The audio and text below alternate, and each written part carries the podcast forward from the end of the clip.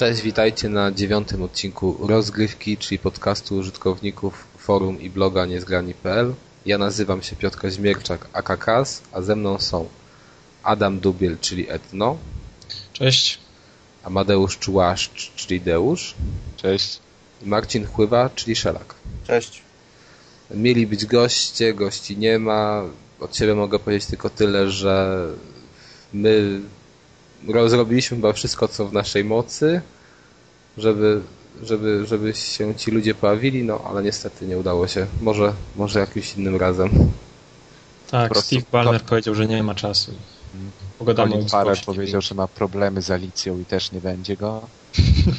A ja myślałem, że on już ją nagrał. Nie, ja tam...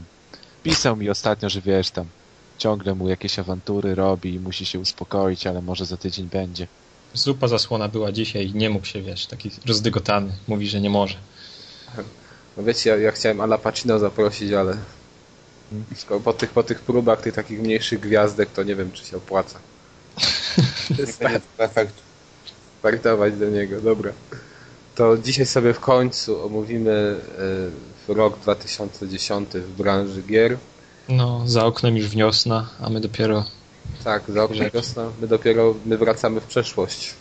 Dwa tygodnie. Dwa tygodnie. E, może zaczniemy sobie od wydarzeń. Jeżeli chodzi o mnie, to jednym z takich największych wydarzeń, chyba w cudzysłowie, tego roku było, był Microsoft Aito i Sony Motion Plus. Ach, pojechałeś im już od razu w nazwie. No, bo właśnie dlatego też powiedziałem, że to takie mm, wydarzenie może znaczące dla, dla jakby branży, dla kierunku branży, ale dla mnie to, to oprócz tego, że Microsoft zaprzestał chyba wydawania ekskluzywów jakichś normalnych, to nie ma żadnego znaczenia. Mnie te zabawki nie kupują, chyba że na jakąś imprezę. 600 zł na przykład na wydanie, wydawanie na tego iToya od Microsoftu to jest przegięcie totalne. Jak zejdzie do 200 zł to kupię, ale no. To, jest, to jest taki większy poziom disu zamiast, bo wiesz, normalnie się mówi na to ponto, na ty jeszcze, że Aito i to już. Nie, no bo to jest Aito. Pogarda. Bo to jest Aito jest czynnikiem jakiegoś tam ruchu i tyle. W każdym razie, y, no na pewno widzimy ten trend do tego, żeby tworzyć na to gry, do tego, żeby odejść chyba e, od graczy hardkorowych w kierunku casuali. Nie sądzicie? Tam odejść od razu. Poszerzyć sobie rynek, no.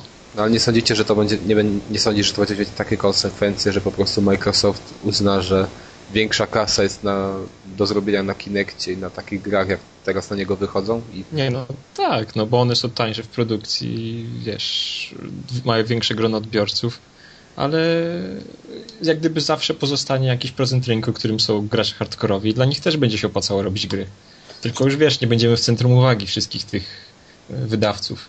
Bardziej by mnie interesowało to w tym temacie, e, jak duża liczba była osób kupujących Kinect jako mm, swój pierwszy zakup związany z konsolą. Bo tak naprawdę może się okazać, że z tych milionów, które Microsoft sprzedał, no to właściwie wszystkie te sztuki były, były kupione przez użytkowników już Xboxów. E, więc może się okazać, że tak naprawdę to nie jest tak, że znaczy, nie, nie, jest no, hardkorowcem, jest hardkorowcem i kupuje Kinecta, tylko jest uzupełnieniem, jakby dodatkowym elementem do tego. Między... Nie, ale chyba, chyba w tym, tak jak NPD czytałem wyniki, no to e, gdyby Microsoft zanotował wzrost sprzedaży samych konsol bardzo duży, czyli te pewnie bundle z Kinectem się sprzedawały też bardzo okay, dobrze. Ale to też kwestia, czy ludzie nie czekali na wymianę konsol samych sobie. No, nie sądzę. Oni, jak... modelu. Nie sądzę. Ale wiesz, z drugiej strony to jak tam Microsoft sprzedał tam 5 milionów tych Kinectów, już 8, sprzedał. 10 chyba sprzedali już. To znaczy 8, tam 8 było chyba wysłanych do sklepów, więc no, to jeszcze się tak aha. tak nie liczy. A 5 jest już chyba sprzedanych. No nieważne, no i załóżmy chociaż z połowa z tego to są nowi użytkownicy, to dla takiego twórcy gier to jest załóżmy potencjalnie kolejnych 2,5 miliona nowych odbiorców. Na dodatek wszyscy branży. ludzie kupią tą samą grę pewnie, typu Just Dance. Każdy z nich to będzie miał. Okej, okay, tylko że...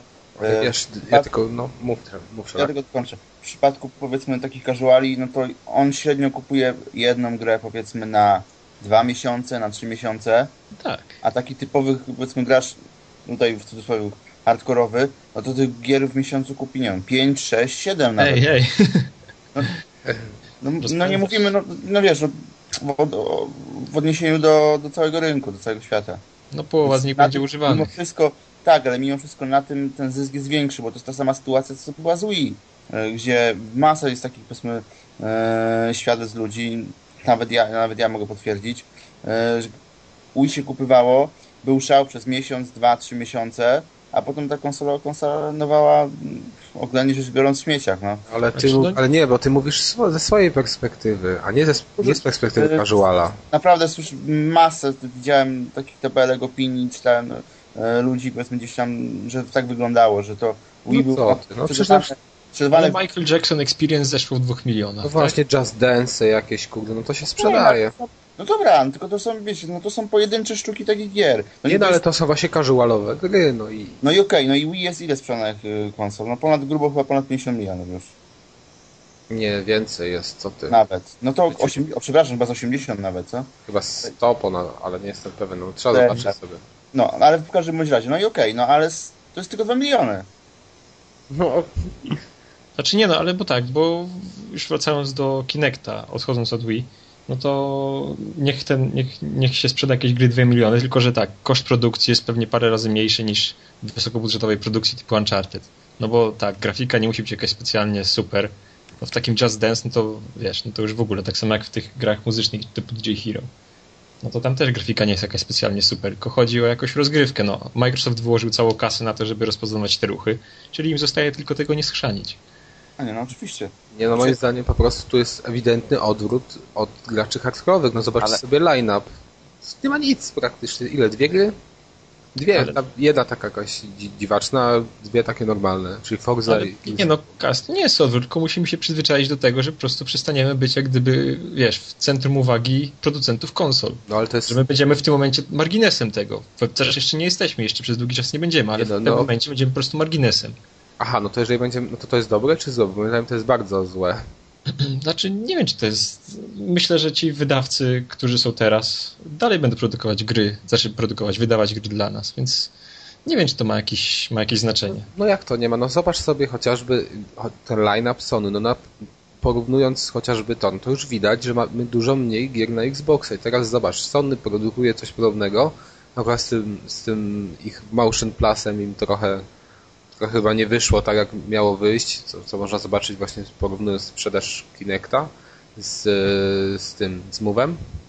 Ale no, jeżeli, dajmy na to, wyprodukują sobie takiego podobnego Kinecta i też yy, okaże się, że się świetnie sprzedaje, że się bardziej opłaca robić takie casualowe gry, no to od tego odejdą, no to to jest katastrofa dla mnie. Nie, no ale to, ale da, my dalej będziemy jakoś, już nie po prostu mówię ci, będziemy marginesem w tym sensie, że już nie będziemy największą częścią, nie będziemy 100% z, wiesz, 100% rynku, tylko staniemy się 20% rynku, ale to dalej będzie ileś tam miliardów. No, ale to, ale to, no, no okej, okay, no ale to jeżeli teraz powiedzmy, że dajmy na to, no, rzucając liczbami, powiedzmy mamy 100 milionów tak użytkowników konsoli hardkorowych, no. a nagle się to zmieni, proporcje się zmienią i e, okaże się 20% z tych, z tych 100 milionów to są tylko hardcore, a 80 to casuale, ale, ale to, to nie automatycznie tak. mniej gier będzie. No. Ale to nie będzie tak. To będzie tak, że rynek się poszerzy, czyli będzie 100, 100 milionów hardkorowców i będzie 4, 400 milionów casuali. Ale jak, czyli po prostu będziemy, nie będziemy 100%, będziemy 1 czwartą rynku, ale jak gdyby wartość ale naszego no, rynku dalej, nas będzie, będzie, dalej się będzie opłacać. Ale dlaczego się będzie, nie wiem, mi się wydaje, że jeżeli będzie więcej osób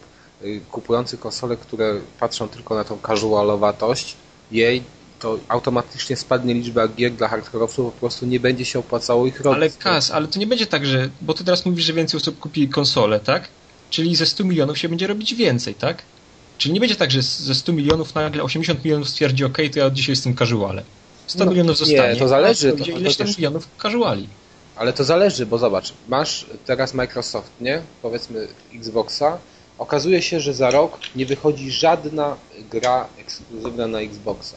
I co kupuje użytkownik hardkorowy? No nie kupuje konsoli Microsoftu. Kupują no i tylko... użytkownik hardkorowy kupuje Sony, no i co? No i no jest nie... wolny rynek i konkurencja działa. No działa konkurencja, ale w tym momencie automatycznie spada yy, ilość nowych gier produkowanych, bo Microsoft nic nie produkuje no, Sony produkuje ale... w zasadzie może teraz... Ale jest masy gier multiplatformowych, więc... Ale właśnie, co ty masz takie parcie na te ekskluzywy? Przecież taki, taki użytkownik, który sobie kupi Xboxa, ma co miesiąc tam kilka Nas gier, których gier. i tak nie przegra i wszystkie te gry są na jakimś takim równym, bardzo dobrym poziomie. Nie wiem, ja uważam, że te ekskluzywy są zawsze taką poka pokazem mocy konsol i przewa przeważnie... No dobra, Kas, ale masz, masz wolny rynek, czyli Sony produkuje ekskluzywy i to jest jego sposób ale ja na wiem, ale, no, ale mówię, no, spójrz na to z tej strony, że Sony też wyprodukuje coś ala Kinect i też, no. też zobaczy, że się to bardziej opłaca gry na takie coś, niż normalny hardkorowy tytuł. I co ale słuchaj, ale cały czas zostanie 100 milionów ludzi, którzy chcą wydać kasy na hardkorowe tytuły. Ale cały czas wiadomo, zostanie ileś tam miliardów kasy do wydania. Ale to, ktoś na to przyjdzie i ktoś to wiesz, weźmie nasz ten rynek, no. No ja mam wrażenie, że to jest, że to może, nie wiem, może nie, nie prowadzi do zaprzestania produkcji takich gier, ale do ograniczenia ich. Nie wiem dlaczego, mi się wydaje to oczywiste, no. Kas, pieniądz zostaje pieniądzem, no. Pieniądz zostaje pieniądzem, ale masz Ubisoft. I Ubisoft może sobie wyprodukować, no nie wiem, Dancing, coś tam. No świetnie, a obok tego produkuje Assassina Brotherhood pro, dla hardkorowców. Tak, Dancing Central mm, na przykład sprzedaje się 10 milionów egzemplarzy, kosztował, no nie wiem ile, no rzucam 100 tysięcy y, dolarów, a no to, to, wiadomo, no, że to są jakieś zaniżone, bez sensu kwoty, ale tak powiedzmy, nie? I a Assassin's Creed się sprzedał milion egzemplarzy, a kosztował, nie wiem, 20 razy więcej niż ten Just Dance. To nie uważa, że no. ten wydawca sobie pomyśli, to po co dla nich robić, to może przejdźmy już zupełnie, nie, nie bawmy się w to, nie ryzykujmy, tylko zróbmy. Tak, ale na rynku cały czas zostanie ileś miliardów ludzi, znaczy ileś miliardów pieniędzy pochodzących od ludzi, którzy chcą kupić gry hardkorowe, tak? Czyli prędzej czy później jakiś wydawca stwierdzi, ok, no to tam na tym Kinectach zrobiło się tłoczno, tam się sprzedaje dwie gry w miesiącu dobrze, bo wiesz, bo ci ludzie nie kupują tyle gier, ale o, patrzcie, tam są hardkorowcy i oni są wygłodniali, czekają na gry, które ja dla nich wydam. Ale I... właśnie patrząc na ten przykład Assassina i załóżmy Ubisoft nie zrobiłby tego Assassina i nie sprzedałby tych miliona egzemplarzy i nie zarobiłby pieniędzy od tych miliona egzemplarzy. No. no ale ja wiem, dalej... żeby nie zarobił, ale ale na przykład, bo to jest teraz być ledwo co opłacalne, nie? Skoro ale no nie, to się po prostu... Co? Skoro, do teraz, skoro to do teraz było opłacalne, to dalej będzie opłacalne, tylko załóżmy robienie tylko ten gier na Kinecta będzie wie, bardziej opłacalne, ale to Ale nie, no, no okej, okay, no i będzie więcej na, na Kinecta, a tak ta kasa z gier na Kinecta mogłaby być przeznaczona na produkcję normalnych, hardkorowych tytułów. No dla mnie to jest akurat negatywne. Bo w tym ale, momencie... ale skąd, dlaczego miała być przeznaczona no na produkcję hardkorowych? No, no może jak? wcale by nie była na nic przeznaczona, a może by jej po prostu nie było. Bo jeżeli nie, zarobią na casualowych grach, to będą mieli więcej kasy ogólnie i mogą wydawać dalej casualowe, tak? Wydaje, no dalej właśnie casualowe. Ja mam wrażenie, że po prostu zmniejszy się liczba gier normalnych, bo wydawcom nie będzie się chciało w ogóle tego robić, skoro będą mogli sobie łatwiej i przyjemnie zarobić kasę, no ale w tym momencie wyjdzie jakiś wydawca, który zobaczy, mówię ci, że leży ileś miliardów na ulicy, nikt się tym nie interesuje, no to ja wydam grę i je zgarnę. No nie wiem. Ja mam wrażenie, Ale że to jednak... W razie wróćmy do meritum. Nie no, okej, okay, no w Tylko... każdym razie dla mnie to jest akurat negatywny, negatywny Ale to będzie, będzie się nasiło ten trend, który już teraz jest, że nie opłaca się robić gier średnich. Tylko trzeba robić gry albo super extra, albo jakieś tam indie games, tak? Malutkie, ale no to wtedy nie jest tak bardzo nastawiony na zysk. No a gry, wiesz, takie duże to jest masa kasy włożonej, nie wiadomo. No tak, no ale nie opłaca się robić gier średnich po prostu. No, ale opłaca, ale to będzie się opłacało robić gry badziewne, nawet byle, że, byle, że obsługują Kinecta. No. Znaczy tak, ale ja mówię dla graczy hardkorowych. No, no, no i po prostu będzie, będą wychodzić na przykład ekskluzyw Microsoftu Gears of War tam 5 na, za, co dwa lata i będziecie zadowoleni wszyscy. No nie będziemy, kurde. No nie, no właśnie nie, dla mnie mówię, to jest negatywne, bo ja sądzę, że gdyby tego, gdyby, gdyby takie nie, bo było, to więcej... Moim zdaniem zmieni się tylko tyle, że nie będziemy już w centrum uwagi i tyle, no. Po prostu, koniec. Dobra, nie będziemy, Dobra, okej, okay, czyli waszym zdaniem to jest wszystko świetnie, moim zdaniem nie. Jedziemy dalej, przynajmniej jeżeli chodzi o mnie do, i o najważniejsze wydarzenia z zeszłego roku. No zapowiedź 3DS-a, to chyba jedyna taka nowinka branżowa, tak? Nowinka sprzętowa, którą zapowiedziano w zeszłym roku, która chyba z miejsca podbiła serca graczy. Teraz... Ja ci powiem, in your face mnie to wcale nie interesuje. No, okej. Okay. Większość ludzi to interesowało, przynajmniej tych, którzy posiadali te DS, a jest ich masa. E, no. A to co, to, to DS jest taką platformą dla hardkorowych graczy, których tak bronisz? Ale nie mówię, że on jest... No, no tak, oczywiście, oczywiście, że jest. Oczywiście, że jest. Oczywiście, zgadzam tak? się w pełni z Piotrem. Mi się bardziej kojarzy, że na niego jest mnóstwo tytułów typu jakieś tam Brain Challenge, czy jak coś to nazywa.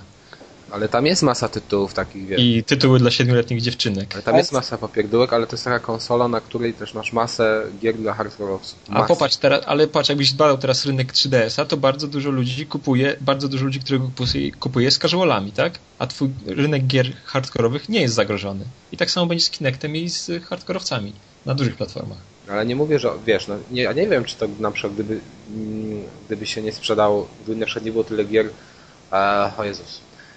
Chodzi mi o to, że wiesz, że na, na przykład ten 3DS nie jest nagle platformą y, dla mm, niedzielnych graczy, to kto wie, może jeszcze więcej by było fajnych gier. Takich dla normalnych hardkorowców, nie? Nie wiem, Wtedy ale... by nie mieli pieniędzy, żeby Właśnie. wydawać 3DS-a. Nie wiem, ja mam wrażenie, że to jest właśnie taka konsola, która która jest bardzo dla hardkorowych graczy i łączy sobie cechy. I tak. Bo ty Kas tak patrzysz, że oni przychodzą, chcą nam coś zabrać. A pomyśl o tym, że będzie więcej pieniędzy w branży gier i będzie można, wiesz, produkować lepsze gry. Może będzie ich mniej, ale Dobra, będzie więcej okay. pieniędzy z innych źródeł. Okej, okay. Dobra, będzie więcej pieniędzy, w każdym razie wracajmy do 3DS-a. Dobra. Mówię, jak mnie kupił na samym początku, teraz coraz, coraz chyba bardziej oddalam się od myśli o kupie tego sprzętu na premierze. Czemu? No, właśnie. Przed no, chwilą powiedziałeś, że jest. No, coraz, jak zasłyszeliście, nie, nie, ja nie powiedziałem, że jest genialny. Znaczy, no wiesz, ale że taki wszyscy na niego czekają. Że wszyscy tak, że nie. Jak go ogłoszono, to wszyscy po prostu z otwartym tchem oczekiwali, kiedy ogłoszą, wiesz, datę premiery i inne takie rzeczy, a tutaj masz tak, bateria krótko działa, okazuje się, że to 3D, nie wiem, trzeba patrzeć pod jakimś odpowiednim kątem, poruszyć się autobus podczas jazdy i, i dupa, już tego nie widzisz. Yy, dalej co tam jeszcze tam było? Już zapomniałem. Ostatnio też jakaś takie info padło, chyba na, na niezgranych była informacja. Sobie, teraz sobie nie przypomnę. O grafice, nie? No, no grafika też, no jak zobaczyłem w końcu się okazało, że wiesz, że to jest takie no PS2 plus tyle, ale no i to mnie jakoś od, odciąga od zakupu. Zresztą online chociażby gier na sam początek też nie jest za ciekawy. Znowu jakieś mamy tam, jakieś mamy a, powtórki z, rozgryw, z rozgrywki i tyle. A czy też był news, że poza Japonią zostanie wydane tylko no, 2,5 miliona? Nie, jeszcze był taki news, że... Może być problem. Jeszcze był... Będzie blokada regionalna. Właśnie tak teraz chcę powiedzieć, że będzie, że będzie blokada regionalna i to jest też kolejny, kolejny chyba powód na to, żeby chwilę pomyśleć nad tym zakupem, bo... Czyli w Europie strzelą taką cenę, że nikogo na to nie będzie stać. Ale w ogóle masa gier przecież wychodziła w Stanach, tylko w Stanach. W tym momencie są takie dwa tytuły, które bardzo mnie jarają, a nie ma ich w Europie w ogóle i jest dużo więcej gier e, świetnych, które u nas nigdy nie zostały wydane. O, kolejna informacja, też teraz patrzę. Znowu będą te friend kody. Przecież to jest żenada totalna. Kolejna, kolejna żenada od Nintendo. Co to ma być? Wpisy, będę wpisywał znowu jakieś kody, żeby się z kimś połączyć. No ludzie. Tyle, tyle świetnych już y, no, nowinek takich technologicznych wprowadziły te konsole Xbox 360 i PS3 i teraz mam wracać znowu do jakichś kodów, żeby się z kimś połączyć przez sieć? No kurczę. No ale chyba taka specyfika była od zawsze, coś ja nie wiem, ale z tego No jasne, no ale to już chyba, wiesz, ja już myślałem, że, że to się zmieni, nie? Najbardziej logiczne chyba było. Nie wiem, co to, co Nie no wiesz, no w momencie, kiedy zostało wydane PS3 i Xbox, X, Xbox, Nintendo wydało Wii, no to trochę też minie czasu zanim, wiesz, zmienią te friendcody. No, po prostu to jest dla mnie okropność. Nie wiem, czy wy kiedyś tak graliście, wpisując te friendcody. No, to jest uciążliwe, głupie, nie, nie wiem, zacofane. No, nie rozumiem w ogóle takiego postępowania. To jest Nintendo. To... Ale o to chodzi, nie? Że dlatego coraz mniej jakby się tym jaram. A wy? Nic nie mówicie na ten temat. No ja, wiesz... no, no, mów. Ja na pewno nie kupię, na premierze przynajmniej, bo mam 3, 3, chciałem powiedzieć 3DS-a. Mam DS-a DSI i z racji tego, że czasowo nie mam tego czasu za dużo, e, nagranie, a granie w konsolkę przenośną w warunkach domowych uważam za słabe i, i, i za stratę czasu, e, to nie, poczekam. No, o. Naprawdę, na, aż, aż sporo stanie, opowiem to. No. no co ty, Szerak, no ja akurat w życiu się nie zgodzę z tym, że granie na przenośnej konsolce w domu to jest strata czasu.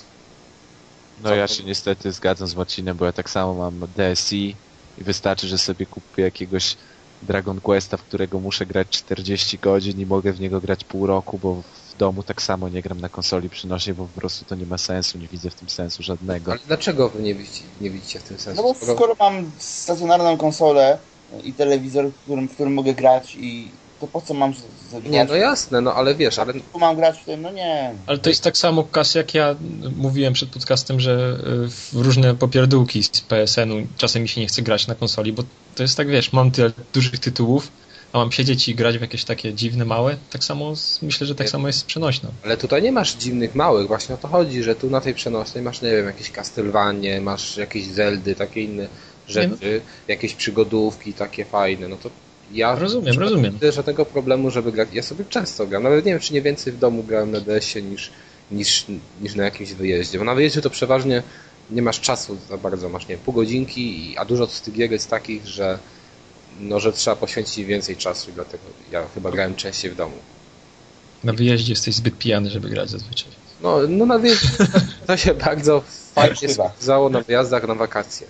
Tak, nie, nie, mogło, nie można było sobie wziąć na przykład konsoli takiej zwykłej stacjonarnej, tylko się brało tego DS-a czy tam PSP i sobie wieczorkiem można było pograć, ale w domu też jak najbardziej grałem na, na, na DS-ie częściej.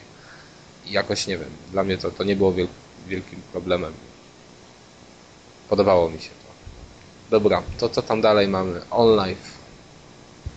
OnLive. On Wiecie to czy nie? Ale to miał być z dużej chmury mały deszcz jak na razie. No, też mi się no już przecież półtora roku temu była sensacja, a teraz jakoś poza jedną prezentacją, chyba na E3, to na iPadzie, to nie, nie widziałem za dużo.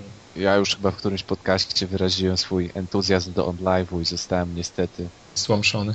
Mhm. Stłamszony po prostu, już się może nie wypowiadam. Mhm, okej. Okay. Chociaż mam taki drugi pomysł, chociaż mam taki drugi pomysł, którego może, może nie znegujecie od razu, ale na przykład no. co byście powiedzieli na właśnie takie, załóżmy w przyszłej generacji, taki OnLive, ale tylko jeśli chodzi o gry arcade. Czyli załóżmy płacimy jakiś tam abonament gold e, miesięczny, kilkadziesiąt złotych i mamy dostęp do wszystkich gier arcade, które wychodzą i one są dostępne w chmurze bez ściągania ich na dysk i tak dalej. Mówisz o takim większym PSN Plus? Tak. Nie. No ale po co ci to, skoro masz to samo? Znaczy, no... Założeniem OnLive'a miało być to, że wiesz, że masz te Normalnie jakieś ba, ba, znaczy, no właśnie, masz, masz jakieś bardzo wymagające gry, a to sobie odpalasz iPada, czy jakoś, czy cokolwiek, jakiegoś swojego laptopa i grasz w te wymagające gry, no, a jak gdyby arcade, no to wiesz, na te 100 mega można sobie ściągnąć na dysk. Przyszłością Great Arcade moim zdaniem to jest coś na naszego iTunesa, czyli dużo, tanio yy, i w każdej chwili yy, możesz kupić. To jest powiedzmy przyszłość. Zawsze można kupić jeszcze, wiecie, teraz Dreamcast Collection, który wy, wychodzi ze świetnymi tytułami arcade. Ale to już wiesz, to teraz musisz się zgodzić na obniżone standardy. Nie no, daj spokój, no. Ale to ja się śmieję, bo przecież te tytuły w tej kolekcji to jest po prostu żenada znowu. A, to dobra, nie, nie wiem o czym ten, ale A, kupując reedycję starych gier musisz się zgodzić na to, że mają obniżony standard Nie, to jasne, nie? Tylko wiesz, wszyscy byli napaleni, bo wychodzi reedycja gier z Dreamcasta i, i, i wszyscy mówią, będzie tam, nie wiem, Shenmue, będzie, będzie Jet Set Radio, a oni walnęli tam jakieś, nie wiem, Sega Bass Fishing, czy... czy to, tytuł brzmi zachęcająco. Tytuły też zrobią, tylko puszczą to na jednej płycie i będą zarabiali na każdym z tych tytułów osobno. No ja nie wiem. To jest dziwne dla mnie posunięcie, żeby takie, takie dziwactwa wydawać, a nie wydać na, na sam początek mocnego, nie wiem, nie zrobić mocnego uderzenia i nie wydać tych świetnych tytułów. Testują rynek. Chociażby na, nawet gdyby dodali to Shenmue na przykład, bo to są dwie części, gdyby dali jedną część plus jeszcze jakieś inne, no już dupowate gry, to i tak bym sobie to kupił, a, a oni ani jednej części nie dali, tylko jakieś, nie wiem, wypuszczałem gnioty i tyle. Tam, Wiesz, powiem ci ładnie, decyzja biznesowa. No, no. jak, jak tłumaczenia y, polskiego? EA. EA, tak, na polski tak. Dobra, co mam dalej? 3D, 3D Gaming. Widzieliście w ogóle jak to wygląda? Ktoś was grał w jakąś grę w 3D? Po raz drugi z małej, z dużej chmury mały deszcz. Tam te PS, przecież PS3 miał mieć te update, żeby te wszystkie granie w 3D, a jakoś, znaczy są, tak? Tylko no, tak. ani nie widziałem tego szczególnie, ani myślę, że jeszcze jest za droga sprawa i te okulary psują Jak sprawę. tak przeglądam sobie wszystkie gadże, e, wszystkie strony internetowe, jakieś gazetki i tak dalej, to mam wrażenie, że po prostu Sony oknami i drzwiami włazi do mojego domu i tak chce mi to 3D na siłę wepchnąć po prostu. A teraz na tych targach elektroniki użytkowej zaprezentowali, e, już nie pamiętam, która firma, chyba Toshiba? Telewizor. Telewizor, w, w którym, który można oglądać bez, bez okularów, tylko że tylko z dziewięciu wybranych kątów. Więc odpada, że wiesz, już odpada, że musisz siedzieć na wprost telewizora. Ale wiesz, dalej jeszcze nie jest to. Ale to wiesz, ale w okularach chyba podobnie jest, że musisz siedzieć pod odpowiednim kątem. A tego nie wiem. Tak. Natomiast ten telewizor bez okularów miał wybranych dziewięć kątów, wiesz. Nie, no to ja, ja, ja, sądzę, że te 3, ten właśnie to granie w 3D to jest jednak kwestia przyszłości już dalszej, czyli nowych konsolach. Takie na, naprawdę już nie wiem, że to... to znaczy, ale to tak, nie zależy od konsol przecież. ja nie mówię, że to zależy od konsol, tylko to zależy właśnie od rozwoju technologii, nie? No póki co tutaj okulary, te kąty wszystkie, to jest niedopracowane. Ja, ja czekam właśnie na telewizor, na którym bez problemu sobie pogram w 3D bez okularów. No wiesz, no, oni, Sony pewnie. próbuje w inny sposób nam wcisnąć swoje produkty w 3D, no bo musimy zmieniać te telewizory, żeby im się rynek kręcił. No, nowe telewizory się już pojawiają, więc trzeba co roku coś nowego wprowadzać, żeby firma zarabiała na tym. Chińczycy pracują nad transmisją meczy hologramową, więc to jest przyszłość, a nie jakieś tam A wy tutaj o 3D, tak. Dobra. Ale to i tak to się wszystko nie będzie sprawdzać w grach.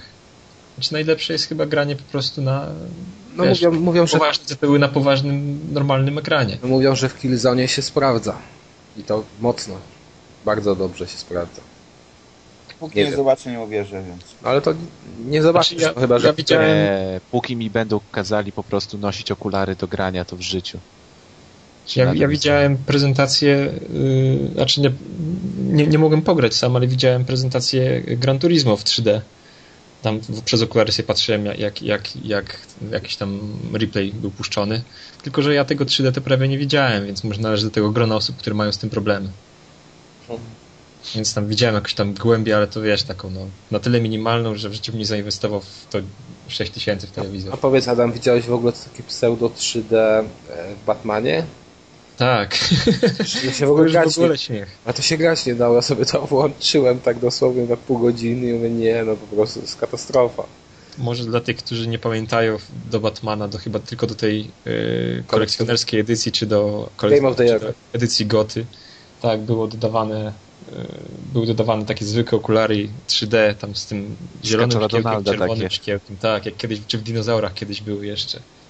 Ale to jest, ale to wiesz, to jest... wyświetlania w 3D, ale to bez sensu. Ale to jest też w zasadzie tak podobnie. No po prostu wychodzi lekko z ekranu ta postać i, i co oni mogą zrobić inaczej w przypadku tego prawdziwego 3D? No tylko to, że ta, ten ekran będzie jeszcze bardziej do ciebie wychodził. Ale co znaczy- więcej znaczy... tam jest do zrobienia? No. Ja też, no chyba, naprawdę chyba mam coś, nie będę szczególnie widział tego 3D, bo w tym Batmanie też nie bardzo zauważyłem, żeby coś tam we mnie wychodziło. Ja powiem tylko tyle, że byłem na awatarze, który był, który jest uznawany za taki, nie wiem, no, preku, dla, za takiego prekursora 3D i, i za film, gdzie to 3D najlepiej wygląda i, i powiem szczerze, że po półtorej godziny już to, no, to nie bawiło, a bardziej przeszkadzało chciałem, żeby oni to wyłączyli, że sobie normalnie ten film obejrzeć, więc nie wiem. Trzeba było zdjąć okulary. To, nie, to wiesz, to jeszcze gorzej. Wiem. No. Akurat w kinie widzę 3D, to też muszę powiedzieć. Nie, no okej, okay, no, ale to widziałem, nie, no, ale to już mnie męczyło po pewnym czasie i powiem szczerze, że nie wiem, nie wyobrażam sobie tak grania na konsoli przez dłuższy czas 3D. No to zobacz, jak sobie 3DS-a kupisz, co będzie.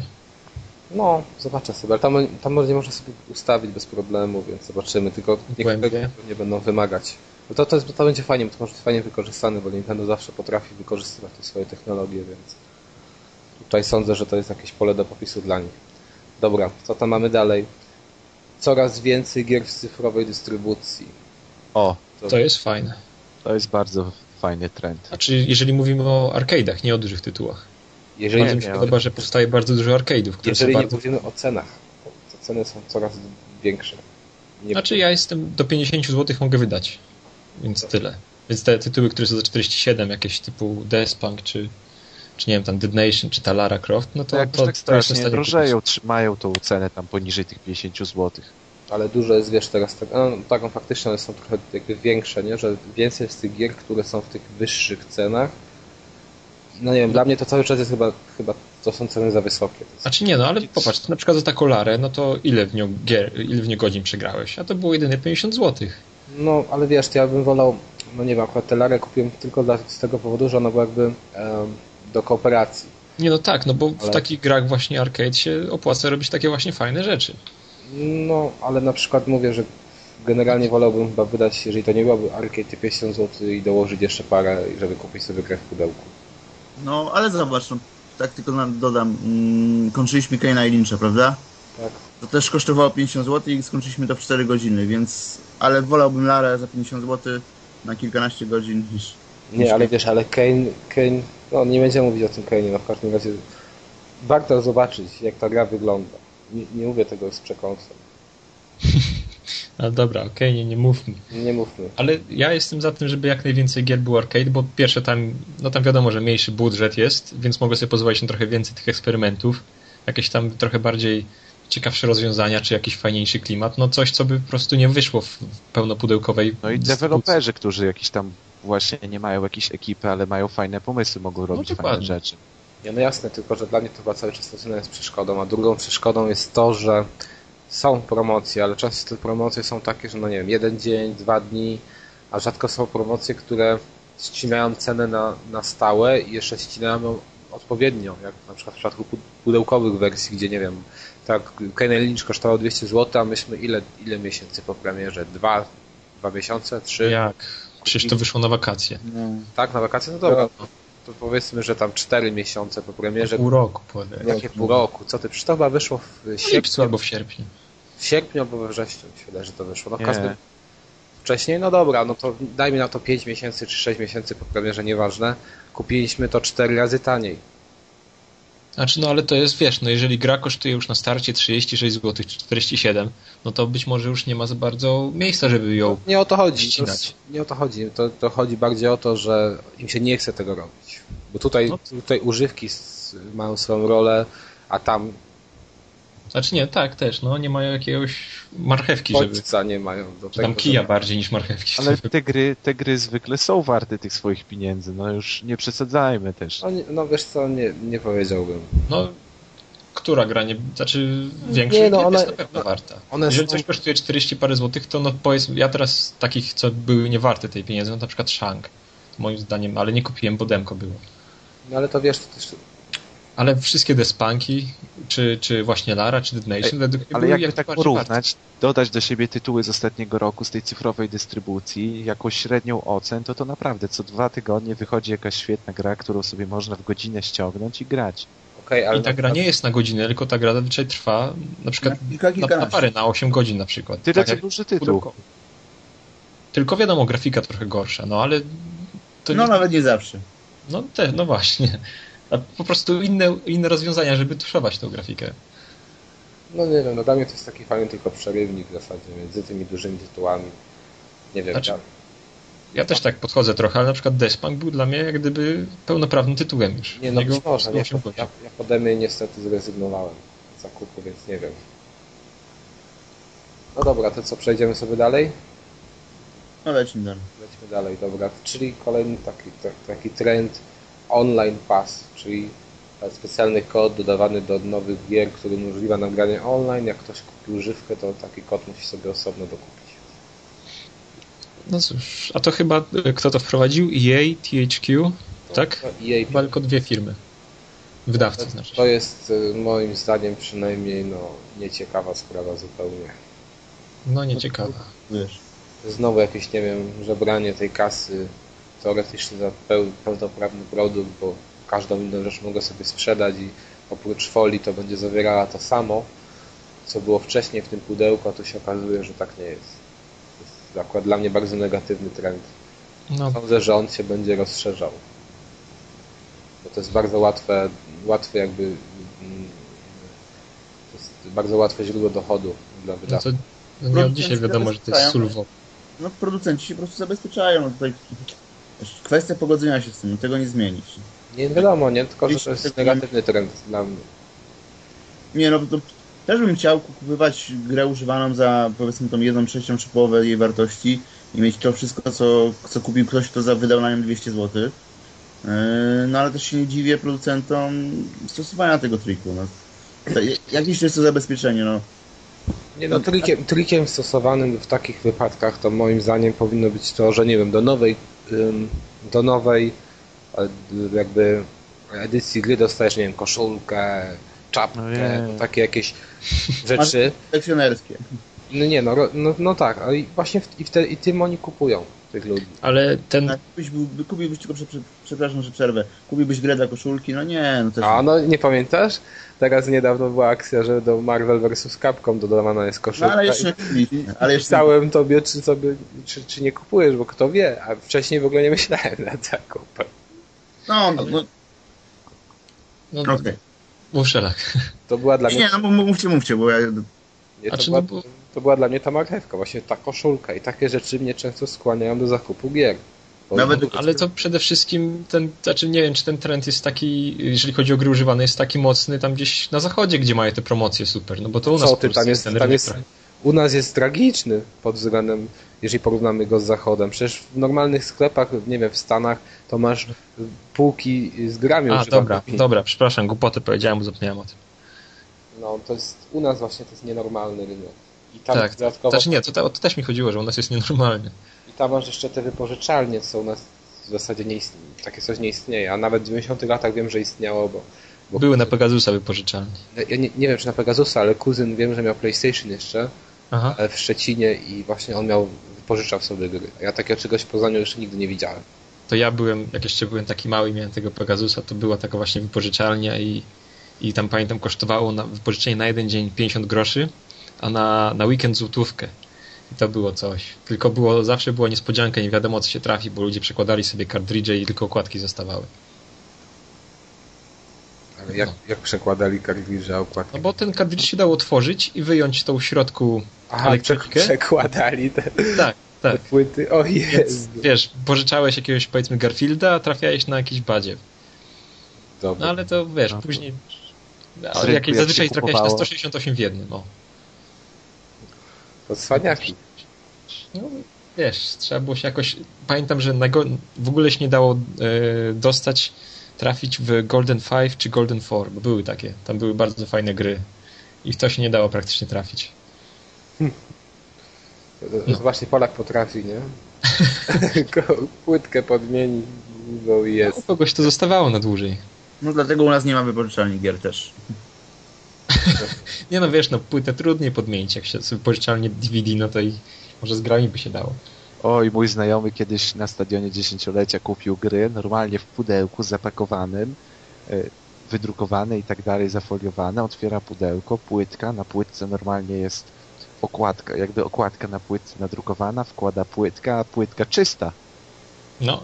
No i wiecie, nawet drukowali pudełka, naklejali no to, naklejki na płytkę. To tak samo będzie z grami z PS3, jak się piractwo rozpleni.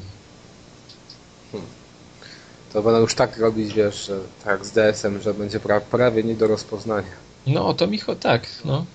Tak jak było kiedyś no, na PC. To jest to tak... najgorsze, co może być, gdy ktoś kupuje sobie grę y, na takim Allegro z myślą o tym, że to jest oryginał, dlatego ją kupuje, a nie ściąga można bez problemu sobie ściągnąć, a się okazuje, że to jest pirat. To no, jest wtedy jest podwójnie oszukany. Największy ból wtedy. Bo wtedy się nie decydujesz na kupno pirata, a dostajesz tego pirata. No, niestety. A jeszcze ktoś na tym zarobi parę razy więcej. Tak. Dobra, jeszcze, jeszcze, jeszcze może macie jakieś e, nurty? Ja bym dodał tylko to, co się zmieniło na rynku polskim. E, mamy wreszcie live'a. No tak, ale to już wiesz, osobna uh kategoria, właśnie polski rynek. To może przejdziemy, tak, do polskiego rynku. Aha, czyli teraz świat był, tak? Tak, chciałem jakoś tak. na nasze poletko się tutaj przenieść i, i na pewno tak. To ja bym się przy live zatrzymał na chwilę.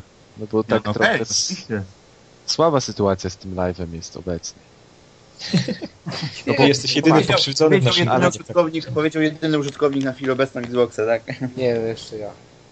No, ale ja, mam, ja mam jeszcze to polskie konto, no świetnie. Ale ty wszystko możesz, wiesz, z PSN-u sobie ściągnąć. Nie, nie, ma ani jednego, nie ma ani jednego powodu, żeby przychodzić na polski live i się przeprowadzać z Irlandii czy tam z Anglii. Ale jest powód. A 800 MSP, nie? No to jest znaczy dla mnie teraz powód. nie. I tak nie kupuję tych punktów, więc... Aha, czyli załóżmy 800 MSP, czyli załóżmy około 30 zł, czyli tak dostaję około 30 zł, a mam tak, usługę pozbawioną yy, połowy gier arcade, nie, nie, wiem, nie, nie wiem, czy będą mi chodzić dodatki. Nie wiem, czy w dzień premiery będę miał te gry arcade i będę miał te dodatki. Nie, nie, no dodatki Nie mam Indie Games, nie mam połowę Indie Games. promocji, połowę promocji, których nie, nie mam, nie mam, nie mam promocji, nie mam jakichś tych funkcji różnych filmowych i tak dalej i do tego jeszcze płacę abonament o 20% drożej niż to płacę teraz w funtach. To nie ma znaczenia. Ale mam się bo... cieszyć, że dostaję 30 zł przy przyjściu. Ale nie, to ja na, to ja na przykład ci odpowiem, e, jeżeli, jeżeli chodzi o mnie i te twoje zarzuty. Na przykład ja, mnie totalnie nie interesują za bardzo te gry, które, że to wychodzi na przykład w tym dniu czy w innym. E, ja sądzę, że i tak na tym polskim się pojawi, może, może nie z jakimś tam e, długim z jakimś długim czasem oczekiwania, powiedzmy po tygodniu. No jeżeli po czterech miesiącach się Despunk nie pojawił. No ale nie no. A to jest gra ja, Nie, to jest właśnie druga taka, wiesz, że nawet jak się to nie pojawi, to i tak większość tych gier mam na PSN-ie. A no to, to ty, ale... ale... Nie, ja mówię o sobie, ja mówię, mówię cały czas o sobie, nie? że mi akurat to nie przeszkadza. A po, po druga rzecz, że ja na przykład nie miałem tych kupionych gier wcześniej na tych, wiecie, na, na innych kontach, więc automatycznie odpada ta kwestia związana z tym, że jakby nie mogę ich ponownie ściągnąć. Mhm. No i tyle, nie? I dlatego mówię, a zresztą no, filmowe funkcje zupełnie mnie nie interesują. Indie Games, no do tej pory nic nie ściągnąłem, więc też raczej mnie nie interesują. Wolę sobie takie gry na iPhone'ie, na iPhone'ie nie pograć niż, niż, niż na Xboxie. Więc te oś, wiesz, 800 punktów na ulicy nie leży. Mhm. I przeszedłem sobie, przynajmniej sobie kupię jakiś tam epizod Alana Wake'a i tyle. No ale ty na przykład dla ciebie nie jest jakby Xbox główną konsolą, a jak ktoś dla kogoś jest główną konsolą i musi do tego jeszcze Golda dokupić. Nie, ja wiem, to wtedy to jest inna sytuacja. Zupełnie. To ja, ja na przykład gdybym kupił, jak, gdybym miał jakieś gry kupione w ogóle na koncie innym, yy, to nie przechodziłbym wtedy. Też tak, myślę, że też bym nie przechodził, bo jednak to, co trzymasz sobie na swoim tam gdzieś twojej kopii, to nie to samo już. Tak, no. wiesz, jeszcze tym bardziej jakbym miał takie sytuacje, że wychodzi jakaś fajna gra, na którą czekam, ja mówię akurat tą cyfrową dystrybucją jest tak mocno podjarany, to, to też mi się wnerwił, nie? że na przykład jej nie ma tam przez jakiś czas, czy tam dodatku nie ma, ale ja to traktuję tak, wiecie, zupełnie nie. No i też z tego co wiem, to na polskim jakby koncie działają tylko te zdrabki y, na ten abonament tylko trzy miesięczne i, i roczne. A znam ludzi, którzy na przykład kupując sobie jakąś grę, na przykład nie, nie mają abonamentu rocznego, ale kupując jakąś grę chcą sobie pograć w weekend w multi i sobie kupują na przykład dwie zdrabki na 48 godzin. Za złotówkę taka zdrabka, która na polskim też nie działa koncie. Aha, nawet nie wiedziałem, że coś takiego jest. Czyli co, ogólnie biednie? No, bied... Bieda... A no wiesz, jeszcze masz dodatki, jeżeli będziesz kupował u nich 5 razy drożej e, no właśnie chciałem zapytać. To dostaniesz kupon na siłownię zniżkowy na 2%. Właśnie, czy, czy, czy, te, czy te, te programy, że tak powiem, premium dla stałych kupujących tył, to jakieś granie z gwiazdami, czy jakieś tam Super. zawody i tak dalej, czy to działa? Bo jakoś ucichło. Nie słyszałem nic o tym. Chyba coś tam było, że z, z kimś mieli grać tam w Halo, w Halo chyba, ale co, no daj spokój, no co mi to da, że nie wiem, że usiądzie sobie powiedzmy Michał Żebrowski z drugiej strony i tak grać nie umie i co? Nawet nie widzę dokładnie. Będzie Może by wzięli kogoś, kto umie grać. Pograłeś sobie z Michałem Żebrowskim i jej, jak fajnie. Hmm. 15 minut, a potem się wyłączył. Ciekawe, czy to w ogóle był Michał Żebrowski. No właśnie, bez sensu. czy to nie Kuba Mirski siedzi z drugiej strony? I tak... A on już nie pracuje w Microsoftie nawet. Już nie o. pracuje? Hmm to może, może to w tytuły, no wiesz, na Kinecta to by było jakiś wabik dla, wiesz, potańczysz sobie z Chylińską w Just no Wiecie co, to teraz warto z takim człowiekiem przeprowadzić wywiad. Na przykład jak go zwolnili jakoś tam oni, to pewnie będzie miał dużo ciekawych rzeczy do opowiedzenia.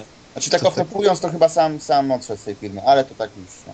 Ale to kas, to wiesz, to też nie jest tak, bo sobie swoją reputację wyrabiasz, to cię później zatrudni, jak będziesz ja rozprawiał wiem, wiem, wiem, żartuję sobie oczywiście. Dobra, co tam dalej widzimy z trendów na naszym rynku? No Nintendo się wreszcie pojawiło szerzej w Polsce. No. E, wreszcie mamy mm, reklamy w telewizji. E, Ale w prasie branżowej coraz więcej, tak? A propos tych reklam, to na przykład e, ze swojego doświadczenia wiem, że na przykład moja mama, która załóżmy jeszcze jak ja gram, więc ogarnia trochę ten temat gier, widziała tą reklamę, jakby nie, roz, nie, nie, nie rozpoznała jej sensu. To znaczy zapytała mnie się, e, mnie się, co to jest za Xbox. bo totalnie nie wiedziała, a ja powiedziałem jej, że to jest takie Wii od Nintendo i że tu się steruje ruchem, a ona powiedziała, jak to się steruje ruchem, bo na tej reklamie jakby no taki zwykły casualowy 15 sekund nie widzisz, to jest konsola do grania, w której się steruje Wilotem. Ja tylko tutaj dodam właśnie dobry temat, znaczy do, dobry punkt uderzyłeś, bo wspomniałeś, że to jest taki Xbox tylko, tylko ruchowy. Um, tu jest akurat moim zdaniem idealny przykład na to, jak Wii Nintendo, czy dystrybutor Nintendo e, spieprzył sprawę nie wchodząc na polski rynek 5 lat temu. E, wtedy jest taki szał teraz w Polsce, przynajmniej no, ja widzę to teraz myślę po, po tym w moim środowisku e, na te kontrolery ruchowe typu PSP, e, PSP przepraszam, PS Move i, i Kinect i nikt e, jakby już nie kojarzy tego z tematem Wii. E, biorąc pod uwagę to, co mówię, działoby się 5 lat temu, e, gdyby Wii miało, znaczy Nintendo miałoby ten sam powiedzmy e, siłę uderzenia co teraz, E, mogłoby sporo, sporo rynku zawojować e, na rynku e, w Polsce. No, Więc no wiesz, wtedy mieli inne priorytety. 5 lat, spóźnili się o te 5 lat i już tego nie odrobią.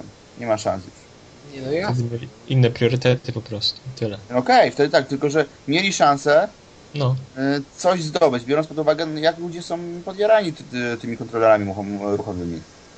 A teraz nikt nawet nie spojrzy na, na, na to, bo nie dość, że brzydko już wygląda, to nikt nie kojarzy mimo wszystko bardzo siłę, większą siłę oddziaływania ma Microsoft z Xboxem i Sony PS3 niż Nintendo z Wii. No i jeszcze podstawowa rzecz, nie ma polskich wersji gier, a inna... Też, też nie ma, dokładnie.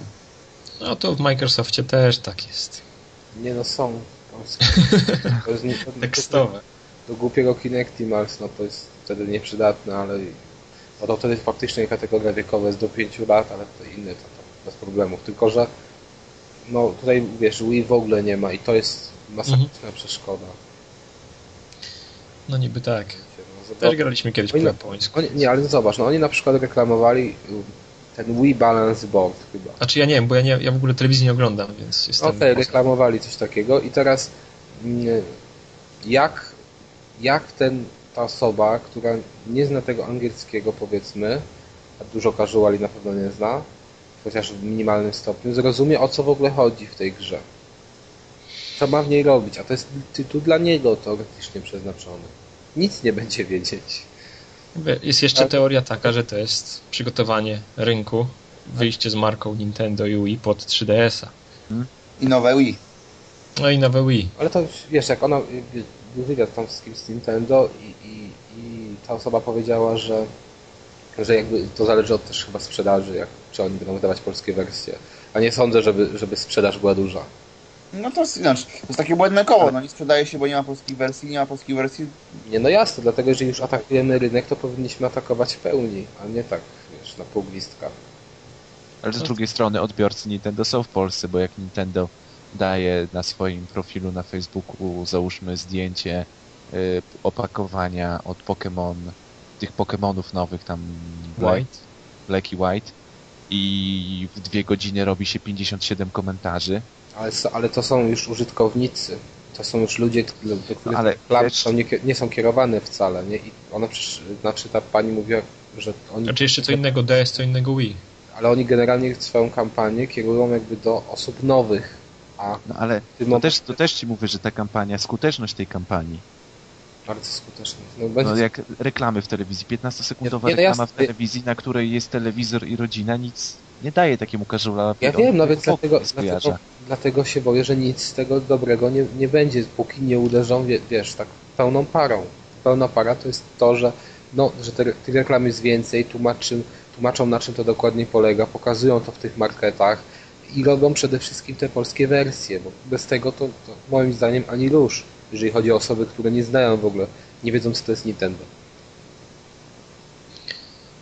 No, Zobaczymy. Coś tam jeszcze, bo mi się teraz przypomina jeszcze, ale to myśmy mówili o tym w zeszłym tygodniu, czy o tym, że jest coraz mniej, że, że generalnie firmy rezygnują z polonizacji.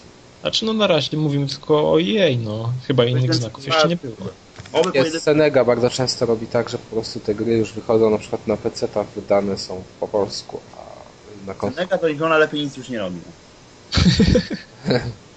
Krótka piłka. Czego się nie dotknie, to spieprzy, więc...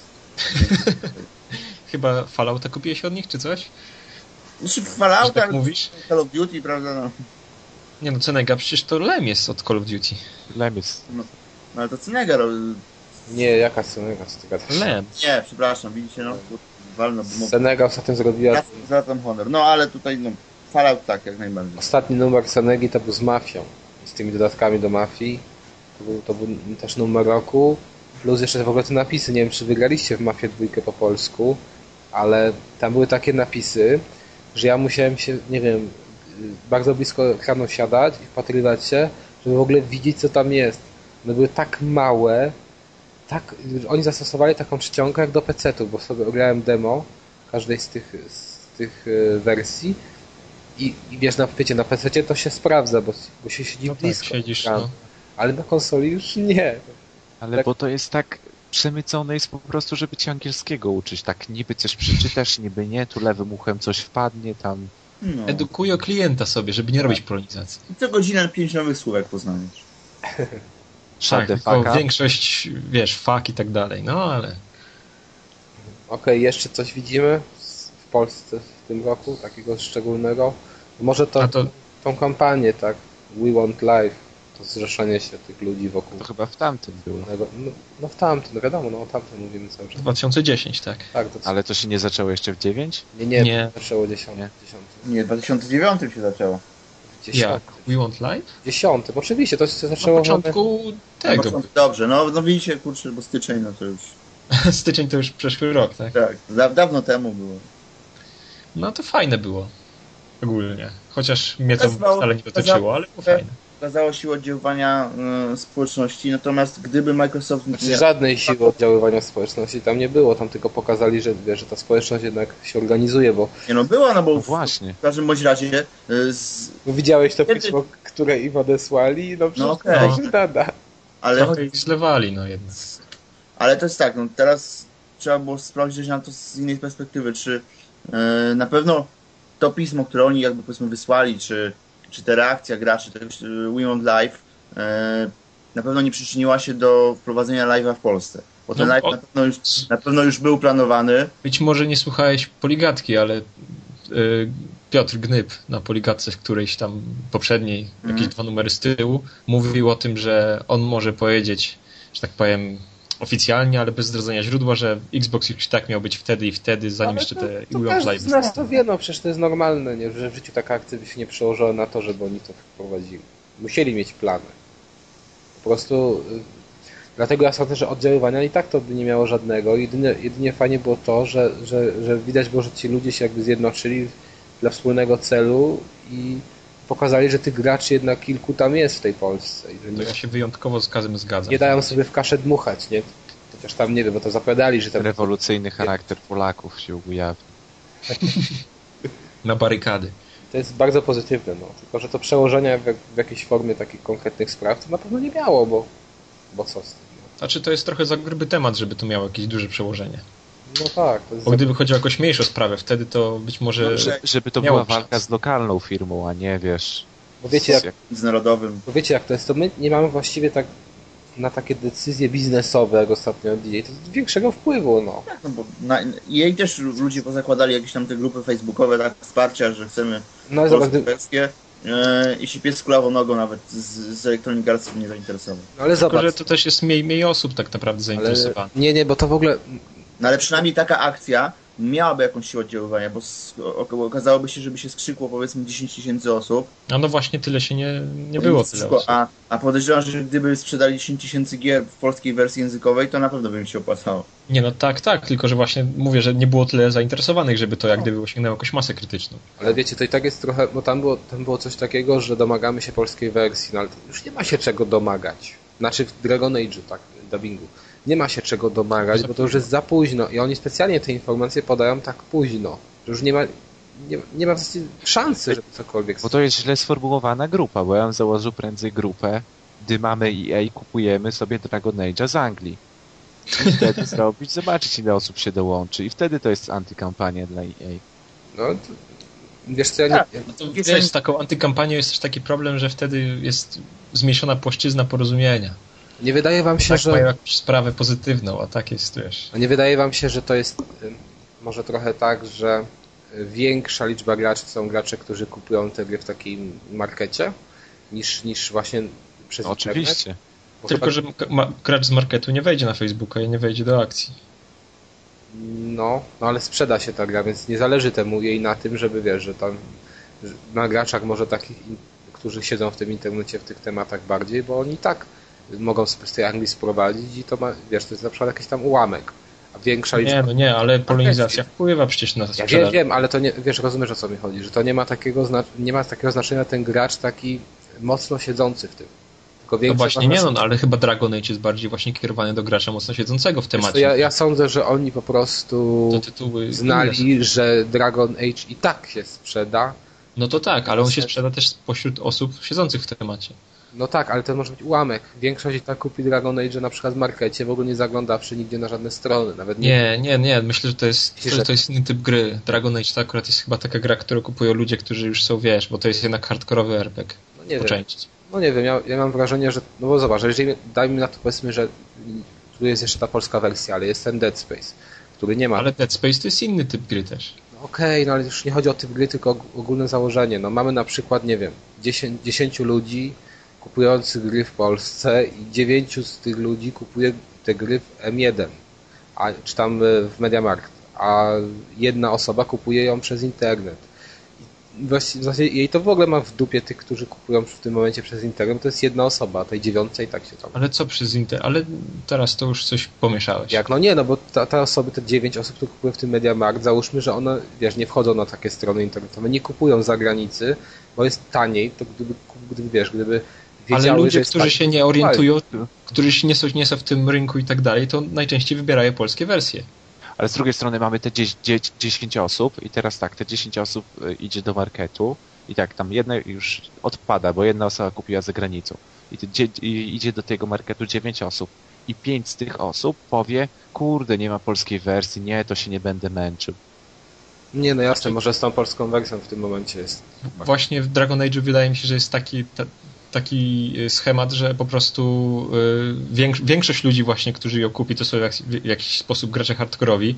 No i właśnie oni w większości sprowadzają gry z zagranicy, chociażby po to, żeby później dodatki działały. Więc może w ten sposób się nie opłacało. Ja nie sądzę, cały czas... Dragon Age będzie polonizowany tylko z napisami, no. Tak, no ale... tak, no ale wiesz... Ja mam wrażenie, że to, wiesz co, że większość graczy to są po prostu ludzie, którzy kupują to w normalnym markecie, bo, bo wtedy by sobie oni takich cudów nie robili. Bo gdyby faktycznie się skrzyknęło dużo osób i kupują... No powiedz, kto teraz kupi z graczy takich, dajmy na to... Ale graczy niedzielnych nikt nie kupi Dragon Age'a przecież. Dobra, nie mówię o Dragon Age'u. Kto kupi na przykład Dead Space'a teraz w Polsce? Z tych graczy, nie wiem, na poligami, na niezgranych, kto kupi w Polsce? No. Gdzie może, gdy może kupić na przykład na 99% będzie taniej. Kupi na, na zachodzie. I kupi na zachodzie. Więc i to no. dla nich nie ma znaczenia, więc dla nich nie wiem, to, to, to, to, to który gracz miał w tym momencie znaczenie większe? Ten, który kupuje to w markecie. Ale w markecie nie kupi y, gry po angielsku, znaczy ludzie, którzy kupują ja wiem, w markecie, właśnie, nie kupią ja wiem, gry po angielsku. Ja, ja, wiem, ale no w tym momencie wychodzi totalny jakaś absurd tej, tej decyzji. Nie, bo ani nie kupią to gracze z internetu, ci, którzy siedzą w tym, więc znają ceny, ani nie kupi tego przeciętny jakiś użytkownik, który idzie do marketu kupić grę, więc o co w tym chodzi w ogóle?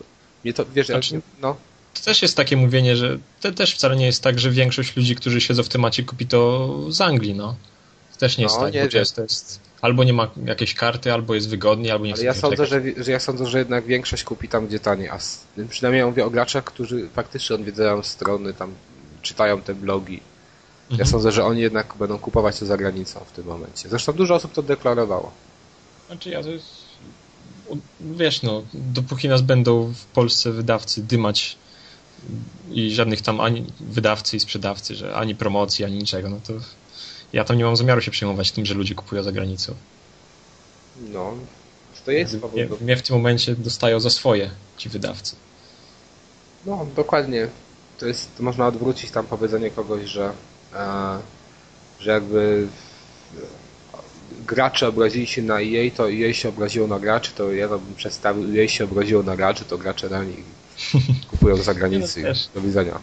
Wydawcy w Polsce jak gdyby dają te wszystkie, znaczy nie dają nam marchewki, tylko cały czas jakieś kije. O. No tak.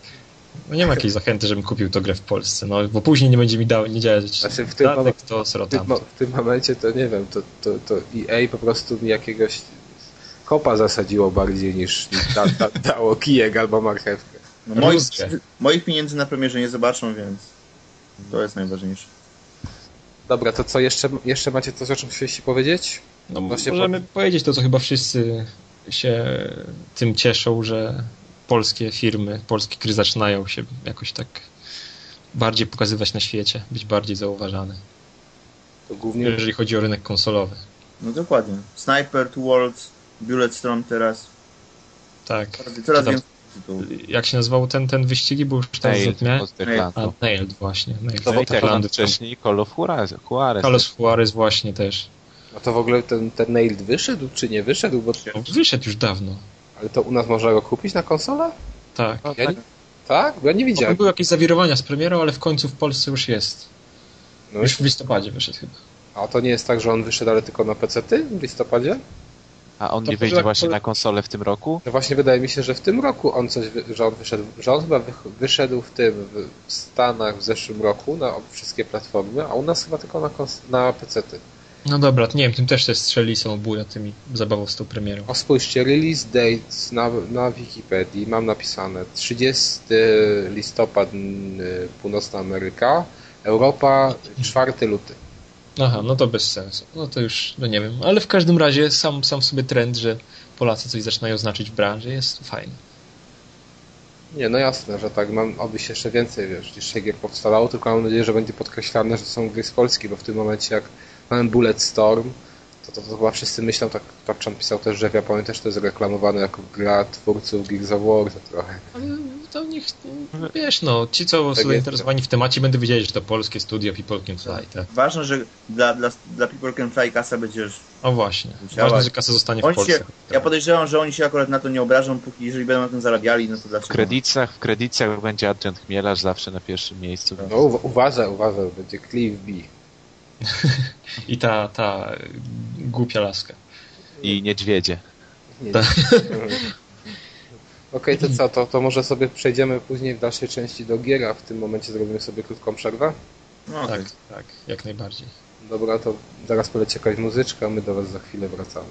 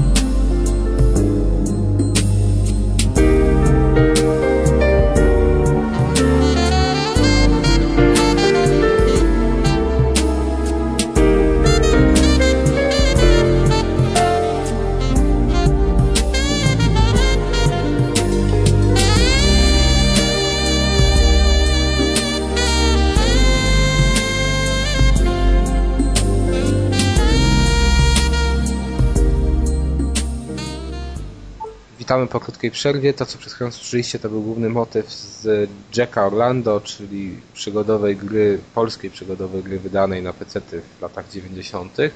A teraz już przechodzimy do omówienia dla nas najlepszych gier z 2010 roku. I może sobie zaczniemy, niekoniecznie najlepsze, w tym momencie zaczniemy może sobie stopniować napięcie. Nie, no może nie od najgorszej. To zawód roku. Nie, ale to wtedy nie będzie A... pełne. Najpierw najlepsze gry. Mówisz, no dobra, niech będzie. Hmm. To Adamie, skoro tak się wyrywałeś, to Oj. jakie dla ciebie są najlepsze trzy gry? O, dobra, więc wszystkie z 2010 oczywiście. Pomimo, że konsolę nie mam przez cały ten rok, ale i ograłem dużo tytułów z poprzednich lat. No ale tak, najlepsze gry tego roku, które wyszły w tym roku. I to w ogóle kolejność nie jest szczególnie ważna. To będzie tak, Heavy Rain, chociaż grałem w niego niedawno, ale jeszcze w 2010.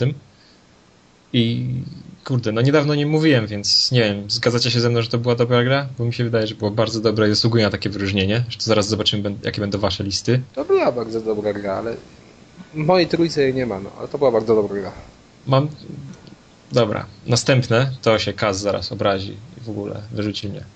To jest, ale to jest za całokształt.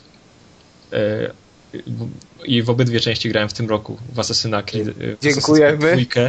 i w Brotherhooda. I za całokształt, za to, że te dwie części chciałem się w obie w nie grać tyle godzin. I po tak, prostu dałem mi... A ty już skończyłeś Brotherhooda? Już jestem prawie... Znaczy teraz robię sobie wiesz, żeby, bo jak skończę fabułę, to się nie chciał grać, więc teraz robię A. wszystkie te, zbieram jakieś bzdury i flagi i tak dalej. Ja to szukam właśnie na Skype'ie, gdzie zakończ rozmowę z jedną osobą. no, tymczasem może podaj trzecią. No, dobra, dobra. To co, zanim podam trzecią, to mi wyłączysz. A trzecia to chyba bez niespodzianki Fallout New Vegas. O. Co ciekawe, we wszystkie te gry grałem już w tym półroczu, więc nie wiem, czy to Podobno to, ma znaczenie. Po prostu zapomniałem o tym dobrym, co grałem w poprzednim, ale chyba nie.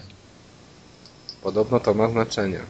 A czy wiesz, bo ja na początku grałem w dużo gier nie, spoza tego roku, więc... Ja wiem, wiem, wiem.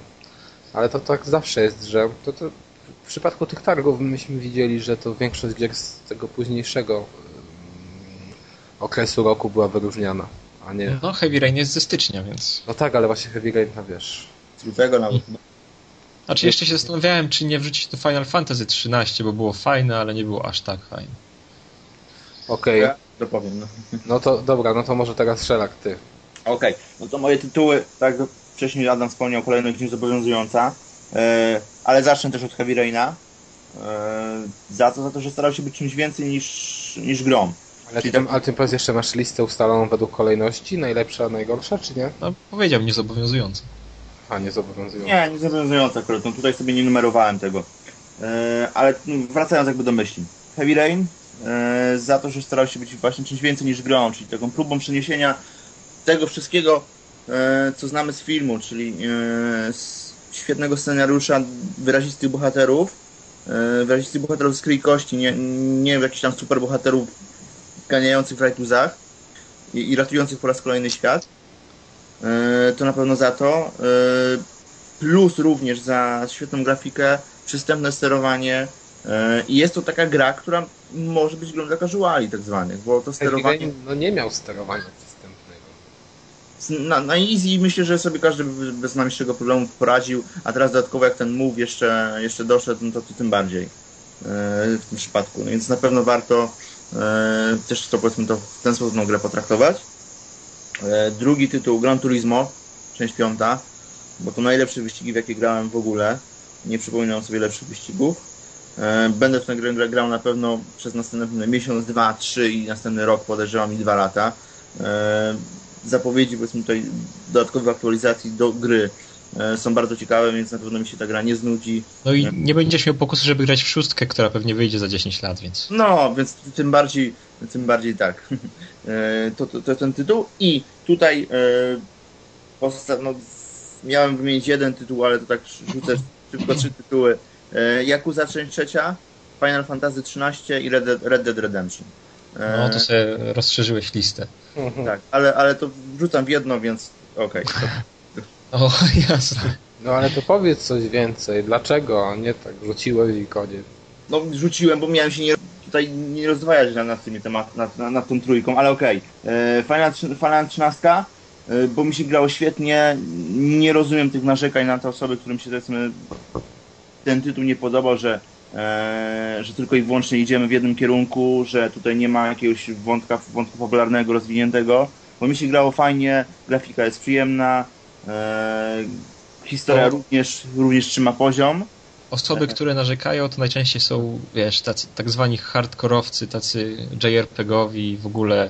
Nie no, powiedzmy, że tak, no, na, na, no ja tam z Final Fantasy, no, proszę, rzucać kamieniami teraz, ale to był mój pierwszy Final, którego skończyłem. E, nie bój się, mój też. Niektóre, niektóre poprzednie gdzieś tam zacząłem tylko na początku i natomiast mówię, ta trzynastka naprawdę zrobiła na mnie świetne wrażenie. Final miał genialny system walki, ten 13. Mhm. Tak, to na pewno To tak. jest moim zdaniem prosty w swoich założeniach, ale bardzo tak naprawdę mimo, mimo że tak, tak, takie połączenie tur, turowego e, z czasem rzeczywistym sprawdza się właśnie znakomicie. Rewelacja to no. Tylko ale... problem był trochę z nim, że za późno wprowadzili jak gdyby, wiesz, całość jak za późno to, co wybierałeś w czasie walki, zaczynało decydować o jej przebiegu. Daj, na początku było... to, to było dobrze zrobione, bo to było tak zrobione, żebyś ty się przyzwyczaił do tego systemu. Nie, nie, ja ogól, w ogólności ja, ja to wiem, ta gra jak gdyby nie... tam swoją fabułę, ale mogli trochę wcześniej wprowadzić, ja, wiesz, ja uważam, że, ja uważam, że ten początek wcale nie był tak zły, jak ludzie mówią i mi się wydaje, że to wszystko było bardzo fajnie zrobione po to, żeby było... się przyzwyczaił. Ale na początku miałeś tylko tych yy, zmiękczających i tego głównego klasy, a te klasy, które wprowadzały głębie do rozgrywki, czyli yy, tych leczących i, i i dając ci jakieś bonusy dopiero później wprowadzili, więc to... to... Nie tak daleko. Ja mam, moim zdaniem to było fajnie wszystko wplecione. Nie, nie, nie było żadnych dłużyzn. Według mnie parę godzin wcześniej mogli ten system walki już taki fajniejszy wprowadzić. W każdym bądź razie na pewno walka jest, jest to ten element najbardziej wyróżniający ten tytuł. Tak. E, to może... Ale co by nie mówić, to ten tytuł się nie sprzedał, no niestety. Nie znałem się. Nikt się nie zna po prostu. Hmm. Znaczy nie sprzedał się na, na tyle, na ile oczekiwali, bo on się na pewno... No na pewno, bo to marka już też swoje tak. robi. Więc na pewno oczekiwali, że sprzeda się, nie wiem, 10-15 milionów oczywiście, więc w perspektywie, tak. znaczy przy tej wielkości oczywiście, że każdy inny wynik będzie rozczarowaniem. To są, inne, to są już inne czasy, no. Teraz. Teraz dużo osób jest takich właśnie, którzy nie grali nigdy w jakieś tam japońskie RPG i mają gdzieś. No, tańczą przy Dance Central. Tak, właśnie. I A problemem jest też to, że jak samo określenie japoński RPG już tak, że trochę to tak, że to hardkorowe będzie, to może lepiej nie podchodzić. A potem się i tak okaże, że z tego grona krzykaczy jedna trzecia tylko skończyła tą grę i tyle. No, no wiesz, taka nudna była, że nie dał rady. No wiesz, niektórych przeraża, że to tak przejście takiego finala to zajmuje takich 30 części Call of Duty. Tak, ale ja sądzę, że wielu, wielu, wiele, wiele osób przeraża to, że ktoś miał jakiś głosik nie, nieciekawy. No ale to taka... Po prostu dało się przyzwyczaić. No jasne, to jest argument. Taka, taka konwencja, to tak jakby się zrzymać na to, że że w Call of Duty się strzela, no. Ale można sobie w finalu wybrać japońskie głosy? Nie. Nie. Ale te angielskie są oprócz jednego tam wypadku przy pracy są bardzo fajnie dobre. Znaczy ja się przyzwyczaiłem nawet do vanilli. No, mi tam nie, nie mówię, mi generalnie głosy jakoś bardzo nie przeszkadzają. No. A to, to dla mnie jest wadą akurat, że nie można wybrać angielskich, y, japońskich głosów. No ja też bym chciał po japońsku też zagrać. Bym chciał po japońsku, no. Ale... To, to, po to gram w grę po japońsku, żeby mieć... No ale niestety, no w każdym razie ma być... Trzeba było sobie sprowadzić z Japonii i grać z japońskimi menusami też. Tak. Hmm? Uczyć języków się trzeba było, Deusz. to byś sprowadzał z Japonii. Dobra, no to jeszcze jedną grę, jeszcze jednej grze, nie, jeszcze dwóch mówiłeś, tak. No wspominałem o Jakuzie tr części trzeciej. Tak. E, czyli świetnej grze oddającej naprawdę rewelacyjny, moim zdaniem, nigdy w Japonii nie byłem. Ten klimat, e, e klimat Japonii, klimat Jakuzy e, grało mi się również bardzo dobrze. Na pewno jako taki typowy sandbox te osoby, które odrzucały GTA Jakuza może się podobać, bo ona nie jest aż tak bardzo rozległa, nie jest aż tak bardzo rozłożona, i bardzo duży nacisk położono na ten, mimo wszystko na historię, na ten główny, główny wątek fabularny, gdzie powiedzmy tutaj przy GTA to się wszystko rozmywało. E, natomiast no, wracając jeszcze do samej Jakuzy, e, rzeczywiście gra, która zrobiła na mnie kolosalne wrażenie. No i Red Dead Redemption, no, o tej grze powiedziano wszystko, więc mm, świetny western, wszystkie te wady, które GTA miało, zostały praktycznie wyeliminowane i, i to na pewno też ta, ta gra, która zrobiła na mnie e, bardzo duże wrażenie w poprzednim roku. Okej, okay, to... A teraz to... Kas. Nie, to może nie, to jeszcze na koniec. Nie, no ty zawsze chcesz być na końcu, dawaj teraz. No dobra, no to ja sobie zrobię, zrobiłem jednak odwrotnie, znaczy zupełnie inaczej niż wy i ustawiłem sobie trzy, no powiedzmy cztery gry w kolejności, tak, od tej, która mi się bardzo podoba, ale jest słabsza od tej na, mie na, na, miejscu pierwszym i drugim, to może zacznę sobie od trzeciego miejsca i tutaj egzekwo Nie wiedziałem, Będziesz co... budował napięcie. Tak, nie wiedziałem co wybrać z tych dwóch gier, a sądzę, że obydwie są warte zmianki i warte wyróżnienia, więc ustaliłem je na jednym poziomie. To jest Final Fantasy XIII, o którym mówiliście. Świetny system walki. Dla mnie po prostu jest rewelacyjnie się sprawdził, był widowiskowy. Nie było tam żadnego grindowania, które wielu odrzuca. Nie, no, no nie mów, było, było. Na pulsie. Było minimalnie, no. Nie trzeba tego było naprawdę praktycznie robić bez tego. A czy grindowanie było zamknięte w niby w te misje poboczne tych kamieni? No to żadne grindowanie, tam daj spokój. To, to, to jest nic w porównaniu do tego, co było, co jest w innych RPGach tego typu, więc to było fajne przynajmniej z mojego punktu widzenia. Czasem lubię sobie pogrindować, ale w tym wypadku moim zdaniem ta, ta, taki, taki sposób realizacji się sprawdził. No, świetna grafika. Znaczy, ja bym bardziej lubił te grindy, y, gdyby nie było tego momentu przejścia między, y, wiesz, między grą, między gdyby eksploracją a walką. Gdyby to było, wiesz, gdybyś po prostu walczył już w grze, bo to jednak takie, wiesz, takie no, wybijać na chwilę. Słuchaj, ale ty nie musiałeś tego robić. No, ja nie, nie, wiem dokładnie. Nie, nie, ja nie mówię, że nie musiałem. Ja nie narzekam, tylko mówię, że bardziej bym chciał, bardziej bym więcej czasu bym spędził na grindach wtedy. No nie wiem, no w każdym razie ja, ja, ja właśnie nie grindowałem i znaczy minimalny po prostu robiłem te, te misje poboczne, które były też fajne i nie przeszkadzało to w ogóle. Nie chodziłem tam, wiesz, i nie, nie ślęczałem 10 godzin na tym, żeby moja postać dobiła do odpowiedniego poziomu, bo tych poziomów też tam nie ma za wiele. No ale też wielu ludzi zarzuca to, że tam nie można nigdzie pójść, że jest praktycznie zamknięty korytarz. No jasne, to jest jakaś, to może być jakaś wada, ale ja powiem, że mi to w ogóle nie przeszkadzało. Najbardziej mnie w tej grze pociągała fabuła, której ludzie też nie rozumieli, no ale jak się nie czytało tych całych takich notatek, tak? Jak się nazywa? Tak, tak. Zapomniałem, jak się one nazywały, to, to po prostu się tego nie wiedziało, bo ona była dosyć zagmatwana, ale no, te notatki wszystko wyjaśniały. Ja po prostu co, co jakaś nowa się pojawiała, to to czytałem i, i bez problemu jakoś zrozumiałem już tę fabułę. No. Tak... W pewnym momencie było tak, że te notatki były po prostu tyle razy już się powtarzały, znaczy tam w każdej notatce tak. było praktycznie powtórzona cała fabuła, to już nawet, kurde, ja było... już miałem dość tego czytania, nie, bo po prostu wszystko jest, już wiedziałem. Ale to było fajne, bo w tym Nie, nie, to było okej. Okay. Bo jak ktoś na przykład, powiedzmy, grałeś w to, wracasz do tego po pięciu, sześciu dniach, zapomniałeś co się działo, sprawdzasz sobie dwie notatki i już wiesz o co chodzi.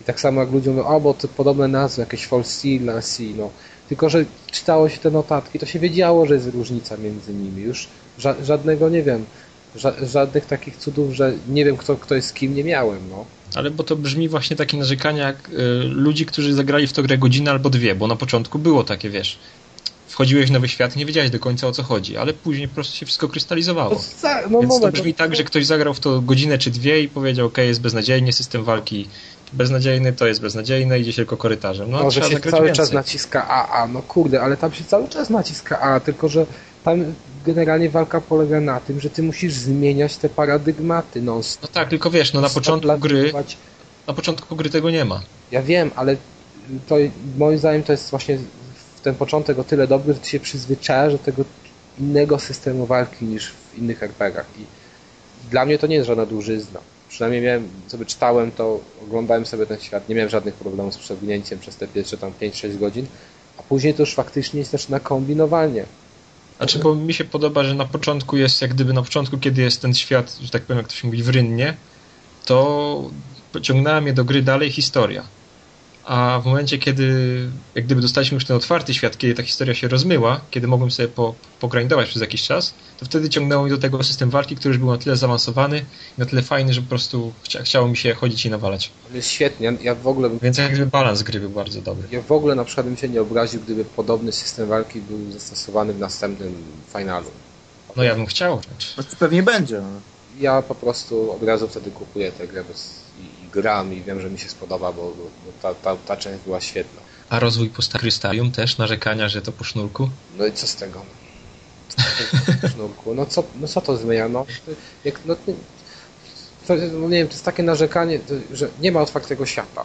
Nie, nie można nic, no ale ile, gdzie, jaki był otwarty świat w tych finalach wcześniejszych? Może nie we wszystkie grałem, ale w te co grałem to było tak, że i tak trzeba było pójść tam, i tak trzeba było to zrobić, tylko może w innym momencie. I tyle, no to jest jaka iluzja po prostu otwartego świata.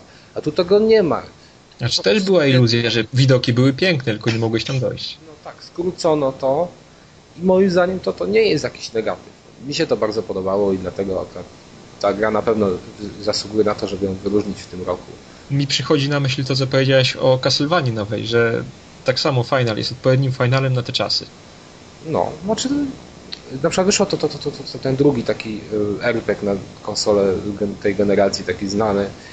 I, Resonance? Tak, Resonance i no ja jeszcze mówię, w 3 godziny czy 4 w niego pograłem, to jeszcze nie wiem, ale on jest, on odrzuca, zupełnie odrzuca ludzi, którzy nie mieli styczności z RPGami. Ja miałem, a się na przykład nie łapię dobrze teraz jeszcze w systemie walki, a, a Final właśnie przyciąga takich ludzi. I to jest też jakaś jego tam zaleta nawet, nawet mówię, ja, ja mimo, że grałem w finale wcześniejsze i wiedziałem na czym polega w ogóle granie w RPG, to, to mi się ten system też bardzo podobał i nie obraziłbym się, mówię, że gdyby był to, gdyby to było kontynuowane, bo, bo mi się to bardzo widziało. No dobra, to może teraz powiem o tej drugiej grze, która zajęła egzekwo trzecie miejsce z finalem. Powiedzmy, tu mam takiego RPG dla mnie roku w tym momencie. Nie we wszystkie grałem, ale z tych, co grałem, to, to, to ten mi się najbardziej podobał. E, najlepsza platformówka. Czyli E, Super Mario Galaxy 2. No i no nie wiem co to powiedzieć. No, pod każdym, chyba sobie z tobą nie pogadałem, bo Pod każdym względem świetna gra. Oprócz fabuły oczywiście, bo to, to nigdy nie miało no znaczenia. Nigdy Klasyka. Mia... tak, tu nigdy nie miało tu nigdy nie miała znaczenia fabuła. To nie o to chodzi. Dialogi ok jest, tak? To jest gra po prostu jak gry, podobnie jak gry wyglądały proste platformów kiedyś, po prostu skaczemy, po, nie po jakichś tam, nie wiem, pięknych okolicach, światach, tylko mamy normalne jakieś klocki, jakieś no. rynny, jak w starym Mario, ale oczywiście to wszystko ładnie też wygląda, bo sama grafika też nie jest zła. Ale to jest po prostu zwykła platformówka ze świetnymi pomysłami, z bardzo fajnym wykorzystaniem tego Willota, z masą pomysłów, jest dosyć długa, jest wymagająca, no nie wiem czego chcieć więcej. Rewelacja. E, drugie miejsce to jest e, Castlevania Lords of Shadow i to jest najlepsza, najlepszy slasher tego roku z znaczy 2010 zdecydowanie. E, pobił go do wora w zasadzie w każdym aspekcie. Można powiedzieć, że Chyba tylko może jakość czasami tekstur jest gorsza, poza tym to jest po prostu 100 razy lepsza siekanka, jest więcej zagadek bardzo fajnych, jest ona dużo dłuższa, ma lepszy design, ma, ma świetną, e, świetny balans e, postaci, ma świetny system walki, e, trzeba non-stop jakieś blokować, turlać się, kombinować, żeby wygrać. Do każdego przeciwnika w zasadzie trzeba inaczej podchodzić, jest ich w ogóle masa tych przeciwników. Ale czy to nie powoduje, że, znaczy chodzi mi o ten balans walki, o czym mówisz, że turlowanie, blokowanie, słyszałem, że opinie, że na wyższych poziomach trudności to wygląda w ten sposób, że przez 15 minut turlasz się wokół jednego przeciwnika. Co mnie to obchodzi? Ja grałem na normalu i bardzo dobrze zbawię, ale co mnie to obchodzi? No, że komuś, że ktoś... Że ktoś sobie nie radzi. No, ale, no, co, no, no, dokładnie, może sobie nie radzi, ale jak, jak weźmiesz normal, to sobie poradzisz. Tam trzeba się turlać, ale nie ma czegoś takiego, że 15 minut oklepujesz jednego przeciwnika, zanim, zanim, zanim on pada. Nie wiem, ja grałem na nie powiedziałeś, a co my to? Tu jest balans rewelacyjny po prostu. Rewelacja, no. Ja chcę po prostu następną Castlevanię w tym klimacie i no, no i tyle, no. Jest to I coś a pierwsze miejsce? No a pierwsze miejsce to nawet nie wiem, czy to też nie będzie zaskoczenie roku, czyli Yakuza 3. No mega gra, 50 ponad godzin niej spędziłem. I masz pewnie 20% wypełniona, nie? Tak, nie, może nie, czekać. to jest przerażające 40%, trochę. 40%, chyba 40, tam 5%, 44%. Ja pamiętam, że mam 28%, jakieś 30, 30 godzin gry. Ale no to jest po prostu rewelacja. Jak komu się nie podobał tak w GTA, to w to powinien inwestować. Tu dużo, dużo właśnie jest historii, fajne są te filmiki. Oczywiście to jest tam bajka pod względem fabularnym, ale tak, takie bajki to ja lubię i chętnie oglądam. E, jest świetny system walki, też nie rozumiem narzekań w ogóle na niego. System walki jest taki o, bez, bez niczego. Dla mnie to w ogóle... Przy, przyłożyć tym ludzką, no daj spokój, to tak fajnie wygląda. Ech. Nawet grafika nie jest taka... Jest bez polotu. Jak? No kurde. Jak... System walki, o taki, System walki jest bardzo... taki staroszkolny strasznie. Oczywiście, bardzo fajny, bardzo fajny, bardzo fajny jak na tego typu grę. No wiadomo, że to nie może być Castlevania, nie? To nie jest slasher, ale... Właśnie ja bym chciał jakiś taki bardziej wymagający system, bo ten to był taki maszowany. Jak nie wymagający? No słuchaj, no. Nie. Trzeba było pójść na przykład do Koloseum, bo, ta, bo no byłem, ta to wszystko się różnia w ogóle na tle tych wszystkich innych gier typu sandbox. Tym, że tam jest masa, po prostu masa dodatkowego kontentu, który, który jest naprawdę warty sprawdzenia i warty zagrania. Chociażby to Koloseum, gdzie po prostu sobie walczymy z innymi przeciwnikami na arenie. I są różne zasady, typu musimy na przykład we dwójkę walczyć, przy użyciu jakiejś tam broni, przy użyciu odpowiednich ciosów. No to. Nie jest jakoś specjalnie rewolucyjne. To nie jest rewolucyjne, ale to jest bardzo fajne. Widziałeś coś Nie, no tak. Nie, w GTA nie ma, nie, nie widziałem. W każdym razie to się świetnie sprawdza. Odczep ty się od GTA. Dobra. Jest, jest taki fajny motyw, że w pewnym momencie spotykamy jakiegoś doktorka szalonego i jeżeli mu tam badamy 10 tysięcy jenów, to on nam pokaże swoją grę komputerową. Ta gra komputerowa polega na tym, że zakładasz taki hełm jak kosmiczny, jakby się przenosisz w alternatywną rzeczywistość i masz nawalankę 2D. Znaczy 2D, no, ona jest w trójwymiarze, ale taka perspektywa jak 2D, jakbyś normalnie był w jakimś salonie arcade. Możesz iść sobie do salonu Segi i tam na przykład, nie wiem, połowić sobie w tych takich maszynach maskotki. Tak. Możesz jest. uczyć psa jakiś komend, no. Możesz sobie połowić ryby, możesz pograć sobie w baseball, możesz sobie w, go w golfa pograć, no po prostu rewelacja. Przy tym te wszystkie misje poboczne, tam co, non stop się natykamy na jakieś postaci, które nam oferują misje poboczne. I one są naprawdę fajne. Musimy na przykład przekonać jakiegoś ojca dziewczyny, że jesteśmy jej chłopakiem, bo, bo ona wmawiała swojemu ojcu, że już za mąż wychodzi. Spotykamy w pewnym momencie jakiegoś, taką babkę, której jakby ratujemy E, ratujemy skórę, z, e, skórę, bo ona tam zadarła z jakimś mężczyzną, a później się okazuje, że ta babka to jest jakiś transseksualista. I nas gania trzy razy. Który, tak, i nas gania po tym, po, po, po tym całym no to... mieście i po prostu co szedłem gdzieś tam uliczką, to cały czas się bałem, żeby na mnie nie wyleciała gdzieś. Bo to tak no, idzie, idzie, pościgi były i film, wymagające. Tak, i filmik się pojawia i ona zaczyna cię gonić. No po prostu coś świetnego i dla mnie to jest zdecydowanie gra roku. Wiadomo, że tam też ludziom przeszkadzało to, że trzeba czytać. E, mi to znaczy, nie przeszkadzało. Bardzo to, jest, to, jest, to bardzo przeszkadzało, to nie ma co mówić. to nie przeszkadzało. Znaczy to... Nienagrane dialogi to jest, wiesz, znaczy ja rozumiem, że ta gra u nas wyszła dwa lata, czy tam półtora roku po premierze w Japonii, ale to i tak, jak na tą generację, dialogi z alfabetem Morsa w tle to nie jest to, co lubię. Możesz, wiesz, to je... no ja podchodzę do tego tak y, z dwóch stron. To znaczy, gdyby oni mówię, nagrali te dialogi, to tak byś masę ślęczał nad tymi, y, nad słuchaniem tego, a tak sobie przewijesz, przewiniesz. Ale mi właśnie się najbardziej, ja, ja strasznie czekałem na te scenki przerwnikowe. Te scen... kiedy, kiedy się pojawiały, wiesz, po prostu te animacje, kiedy oni mieli głosy. No gdyby, to były dla mnie najlepsze momenty, wiesz. Tych, tych scenek by było chyba za dużo, bo tam masz często tak, że właśnie spotykasz tych misji pobocznych jest ponad setka. I teraz sobie wyobraź, że do każdego z nich masz filmik, nie? To ta gra się wydłuża. Ale nie, nie musi być filmiku, tylko żeby te głosy były nagrane. To od razu buduje klimat. No okej. Okay, Jak no. oni zaczynają mówić po japońsku i wiesz, no fajnie. No okej, okay, no dobra, no to faktycznie może.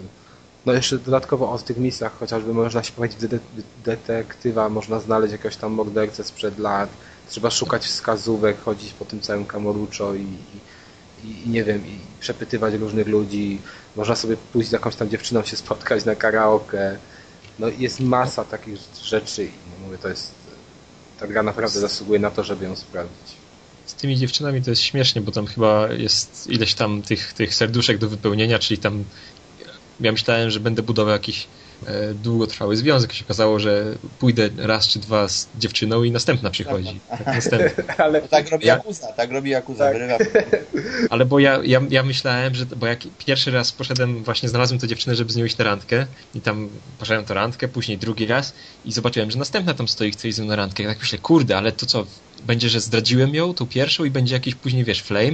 I tak, nie, nie, to nie idę i czekałem, aż się tam ta pierwsza pojawi no ale się nigdy nie pojawiła i musiałem wziąć następną i się okazało, że na tym polega, żeby, wiesz, tam tych 10 czy ileś tych dziewczyn, że tak powiem, zaliczyć. ale każda ma jakąś, nie no, ale każda ma jakąś historię tam przedstawioną w grze i to tak. bardzo fajnie. Tak, tak. No ale każdy się jakoś pomaga. W ogóle fajny motyw z tą komórką, że się zdjęcia trzeba, trzeba robić takich fajnych wydarzeń, jakichś śmiesznych i wysyłać później na, na, na, na bloga Kazumy. No. Tak. Ta, tak, tak. Zobaczyłem dziewczynę, która, nie wiem, coś tam rozdawała ulotki i nauczyłem się super ruchu. Tak. Jestem lepszy. I tam podpisane ten blog, coś tam, że prowadzę się, ciniec gdzieś tam. Tak. Takie inne, no. Gdzie to w Osace, tak? Chyba tak. No ale to, to jest coś kapitalnego. No. Dobra. No to, dobra. To co teraz sobie weźmiemy inne kategorie, no to może, może teraz... Ale a jeszcze, moje, a jeszcze, ojej, przepraszam, Deusz, zapomniałem, bo widzisz, zawsze na końcu i tak jest. No mów, Deusz. Jeszcze moje, no to też chyba nie będzie u mnie miejsc. Tak sobie myślę, bo będzie zbyt kontrowersyjnie, jakbym miał przyznawać miejsca. Więc tak, pierwszą grą, o której należy wspomnieć, no to drugie życie moje growe to są gry na konsole przenośne. Jak się zastanawiałem, czy zwycięży PSP, czy DS, no ale w końcu tak sobie pomyślałem, no już niech ma to PSP, ostatni rok, już niech ma, no i wybrałem sobie Metal Gear Solid Peace Walka za, za, za, za pokazanie tego, że no kurczę, jednak na PSP się da zrobić fajną grę, się da zrobić grę rozbudowaną, która starcza na wiele godzin, ale w którą można załóżmy grać 15, dosłownie 15 minut, tak są skonstruowane misje. Jest masa rzeczy do robienia, jest fajna grafika, fajne sterowanie, fajna historia, klimat, klimat taki MGS-owy, no naprawdę świetna gra jak na PSP. Druga gra... Jak na PSP. No jak na PSP. Mhm. Druga gra to jest oczywiście Assassin's Creed Brotherhood. Ach, nie Czyli jestem sam. też możesz wyłączyć kas rozmowy. Zostaniecie we dwóch, będziecie nagrywać. No ale mi Assassin też się podobał. No to, to kas sam ja się nagrywał. To bardzo Albo... dobra gra jest. To my ciebie wyłączymy. No i ostatnią grą, która po prostu sobie tak myślałem nad, myślałem nad tym top 3, myślałem i w każdym podsumowaniu nigdzie się ta gra nie pojawia, a według mnie na to zasługuje, to jest Mafia druga, która jest świetną grą gangsterską, ze świetnym klimatem. No jeszcze nie powiedz mi, że ma świetną fabułę. Yy, ma bardzo dobrą fabułę. Nie ma, no dobra, no. Moim zdaniem nie ma, no. A czemu nie ma? Ja się Ona chcę jest prosta, ten bohater jest głupi jak but, zabija bez żadnych, nie wiem, ale idzie, ci mu każą, idź zabij tam piątkę ludzi, dobra, idę zabić piątkę Powiedz ludzi. mi, który film gangsterski miał inną fabułę? Nie wiem, nie będę wymieniał jak inną fabułę, no. Masa no tak, miała inną fabułę. No nie wiem, ojciec, bardziej rozbudowaną. masz bohatera chociażby, który jakieś wzbudza w tobie, no nie wiem, jakieś, jakąś sympatię. Tu masz jakiegoś po prostu idiotę, który wypełnia zadania, które mu się przydziela. Niby już jest na szczycie, nadal wypełnia, jeździ sobie taksówką. Znaczy, on w zasadzie jeździ sobie taksówką, później kogoś tam postrzeli, znowu sobie jedzie tym samochodem, jakby jeździł taksówką, kogoś gdzieś zawieźć znowu sobie postrzela, zabije kogoś bez sensu i tyle, no. no mi się to w ogóle nie widziało. Moim zdaniem to jest gra, która ma, ma, masakrycznie zatracony potencjał. No nie. Zresztą no to ma nawet jeszcze ten scenarzysta tej gry powiedział, że on tam już nie będzie brał udziału w Mafii Trójce, bo to co oni zrobili z jego scenariuszem to jest katastrofa. Yy, ma bardzo fajne misje, zróżnicowane w różnych lokacjach. Ma Playboye, no. To, no, jest, to jest no. Ma bardzo właśnie klimatyczne misje w różnych lokacjach i co jest najważniejsze w strzelankach, to ma bardzo bardzo fajne czucie strzelania. Czyli bardzo dobrze headshoty wchodzą, czuje się tą broń, czuje się odrzut, czuje się strzał, czuje się moc poszczególnej broni. No i dlatego strzelanie są bardzo fajne. No i co? Tyle.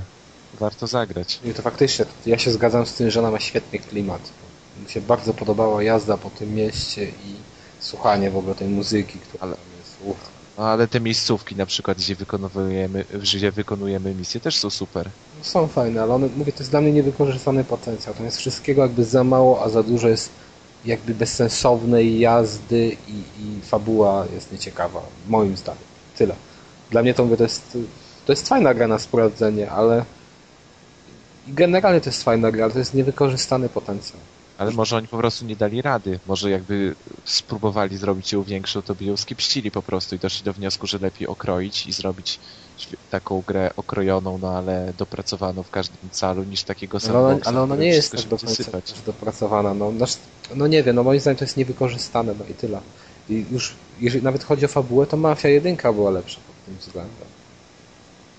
Kiedyś robili lepsze gry po prostu. No nie, ona była gorszą grą. Ja grałem w nią niedawno nie podobała, no teraz jak tę grałem, ale dla fabuły... Mafia 1 była świetna. Ale wtedy też mi się nie podobała. W ogóle ja ją wyrzuciłem po, po paru tam w sesjach, bo nie mogłem dojechać do, na, samochodem na miejsce, podjeżdżałem pod górkę i nagle pyk, zatrzymał się, już dalej nie dał rady. Był za słaby, no to myślałem, że padnę. Nie to, to szkoda, pod, co nie ma górkę. Szkoda, co nie ma w mafii drugiej, że się trzeba nauczyć włamywać do samochodów, tak jak w pierwszej to było. No nie wiem. Tam, dla mnie, no, Byłoby za trudne pewnie. Tam było jakieś uczenie się? To chyba nie było uczenie tak. się włamywania do samochodu.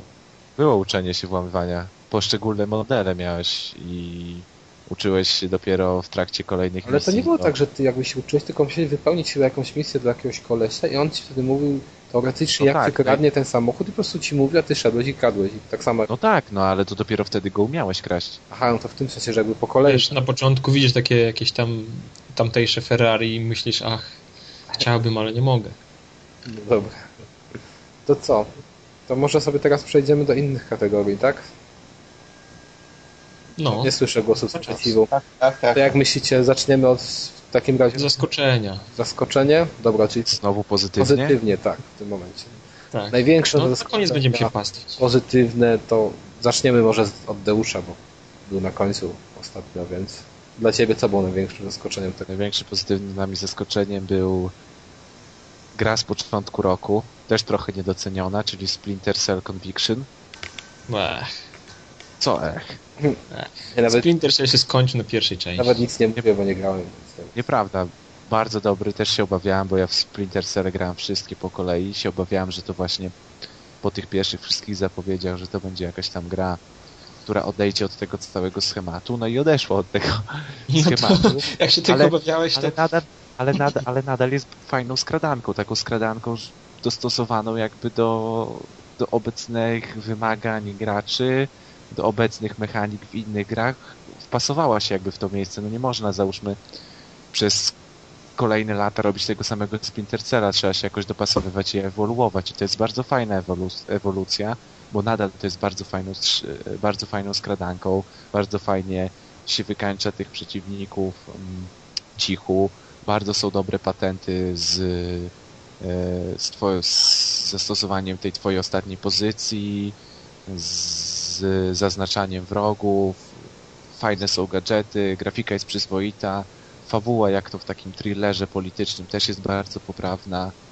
Grafika taka, no grafika średnia. No już mówię, że przyzwoita. No tak, no przyzwoita, no modele postaci z bliska są straszne. Po prostu straszne, jeżeli się włączały jakieś cutscenki i była twarz pokazywana z bliska, to tak jakby była wycięta z innej gry. Widziałeś Kaina i Lyncha dwójkę? Nie. I twarze? No. Sądzę, że tam gorzej jest. Yy... No, do, a, no jeszcze świetny koop, e, koop miał, e, czyli nowe, zupełnie nowe cztery misje. Każda misja była do zrobienia w około godzinę, półtorej, więc dodatkowe gdzieś tak 5-6 godzin rozgrywki z zupełnie nowym wątkiem, z zupełnie innymi postaciami, z własną fabułą, z bardzo fajnymi rozwiązaniami takimi kooperacyjnymi. Idealna jakaś takie na, albo na kanapowy koop, albo przez Xbox Live. No i co, bardzo fajna gra, niedoceniona, a szkoda. Okej. Okay. Dobra, kto dalej? No to może teraz Strzelak. No to dla mnie takie największe pozytywne zaskoczenie, no to Yakuza trójka.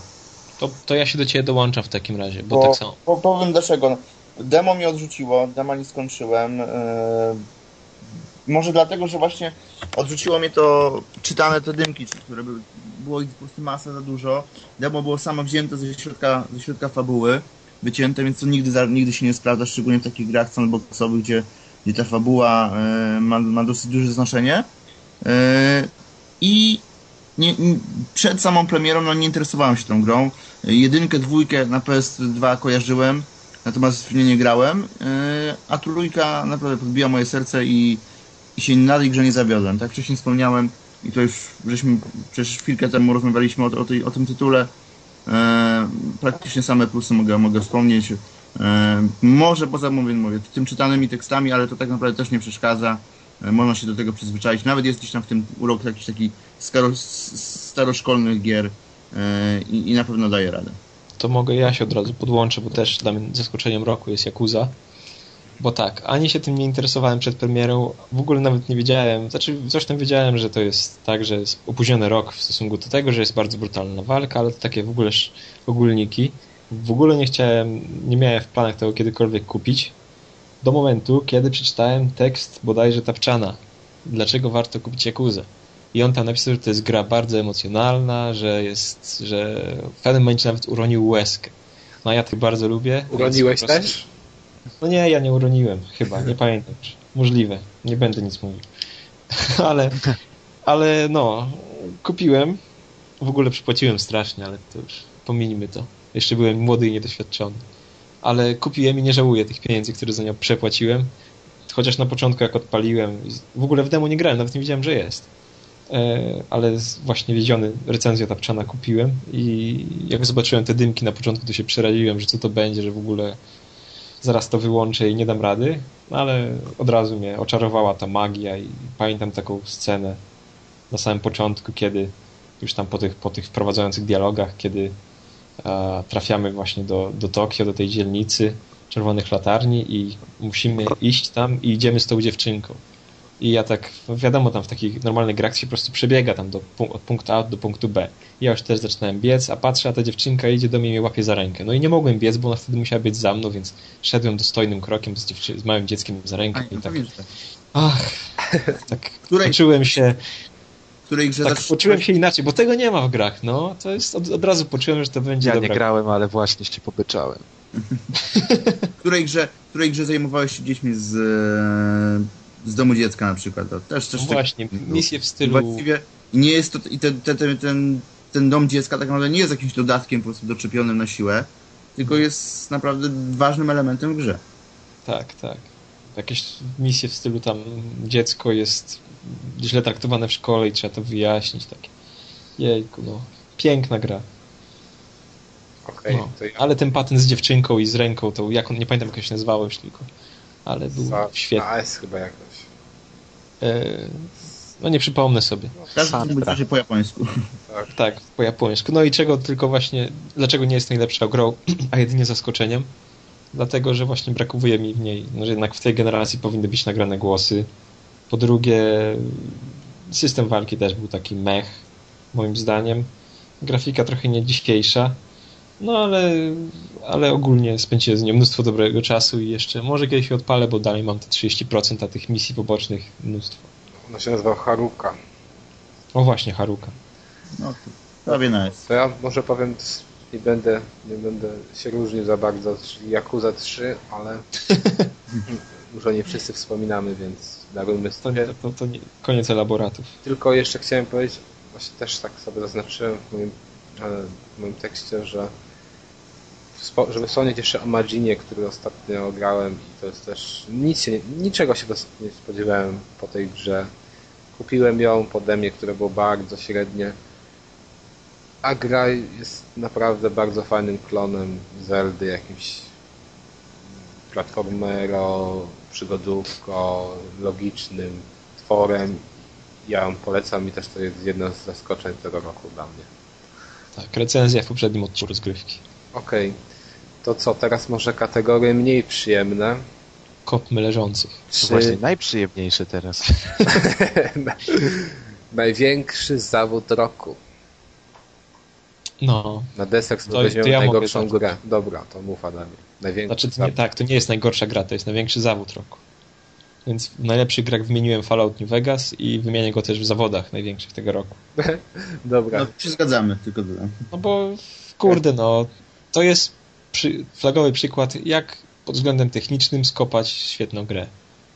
No po prostu, no, ja już to już słyszałem więcej takich opinii, że po prostu, że gra jest świetna i chce się ją skończyć, 70 godzin można w nią grać, ale jak się ją skończy, to jest taki przesyt tych błędów, już tej, tej frustracji związanej z tym, że gdzieś wchodzę do jakiegoś pomieszczenia i jest loteria, wywali się czy nie wywali. No więc po prostu ta gra męczy, strasznie męczy. Ja nie mam ochoty na żadne dodatki więcej. Ja nie chcę już to grać. I ona była świetna, w ogóle questy były genialne, świat był genialny, mogłem, zwiedzałem go bardzo długo i w ogóle chyba osiągnąłem najwyższy poziom, zanim tak naprawdę się wziąłem na dobre za fabułę. ale, ale ja nie chcę. Ja chcę, ja chcę Fallouta na dobrym silniku, bez błędów, zrobionych przez, przez ekipę znaczy tak, chciałbym, żeby fabułę i mechanizmy gry robili ci sami ludzie co teraz, bo było niebo lepsze niż Fallout 3, ale żeby oddali kwestie techniczne ludziom, którzy się na nich znają. O, tak powiem. Ja tylko dodam, dodam tylko od siebie, bo też tutaj wymieniłbym Fallout New Vegas. Napaliłem się jak na szczerbaty na suchary na tą grę. Ludzie na forach, e, w recenzjach zachwalali, że to jest powrót do pierwszej i drugiej części. Okej, okay, no scenariuszowo tak, scenariuszowo tak, ale te błędy po prostu w grze są rzeczywiście przerażające. Nie, nie, wiem, nie, nie wiem, czy pamiętasz, ale w Falloutie dwójce była możliwość taka, że nie mogłeś po prostu skończyć bardzo dużej części questów w New Reno, bo jak wybrałeś złą rodzinę, bo był taki bug. Więc znaczy, wiesz, też... no, nie, nie, tego sobie nie przypominam, bo jakoś nie miałem z tym problemu. Yy, ale tam oczywiście jakieś tam błędy, błędy były w, yy, w dwójce. Natomiast mówię, no, New Vegas przede wszystkim tak, już mam dosyć tego silnika graficznego. Ta gra wygląda ohydnie. I no. Jeżeli mówiliśmy tutaj o każdym poprzednim tytule, że może być grafika słabą, no to, to New Vegas wygląda po prostu na, tragicznie i to, to, bez dwóch zdań. Dwa, błędy techniczne, gra się zwieszała praktycznie mi, przynajmniej na, no, nie wiem, no, na początku może ona musi, musi się rozpędzić, nie wiem, ale co najmniej... Musisz konsolę nagrzeć. Tak, kilkanaście, kilkanaście razy. E, trzy, mm, przerażała mnie e, też tak naprawdę może nie tyle jakość scenariusza, bo to jakby z, nie o to chodzi, ale e, pustość lokacji powiedzmy tych, tych wszystkich no. Mhm. Tam, gdzie, tam, gdzie gdzieś wspominamy, wspominają o wielkim oblężeniu miasta, jakieś powiedzmy tu siły e, potężne, tu przychodzimy i na, namiot i, i, trzy nieme postacie. E, no, sła, słabe to po prostu wszystko. E, Albo bazy zwiadowcze, w których siedzi trzech ludzi. Tego typu no, sprawy. No mówię, no, ja, powiem tak, no ja jej nie skończyłem. Gdzieś pewnie ją skończę za x czasu i na, mówię, no, bardzo chciałem, że, żeby to była świetna gra a okazała się po prostu no, krapem nie, ale dużym, dużym rozczarowaniem. Okej, okay, Deusz? Największy zawód to ja powiem nowy Prince of Persia Forgotten Stance, Forgotten. Aha. który no tak jak wspominałem wcześniej o Splinter Cellu, który jak potrafił przystosować się do nowych trendów, jakoś zaadaptować gameplay, tak Prince of Persia poszła po najmniejszej linii oporu, nie dodając totalnie praktycznie żadnych elementów z mechaniki rozgrywki, ulepszając tylko grafikę pierwszej części, steruje się tak samo.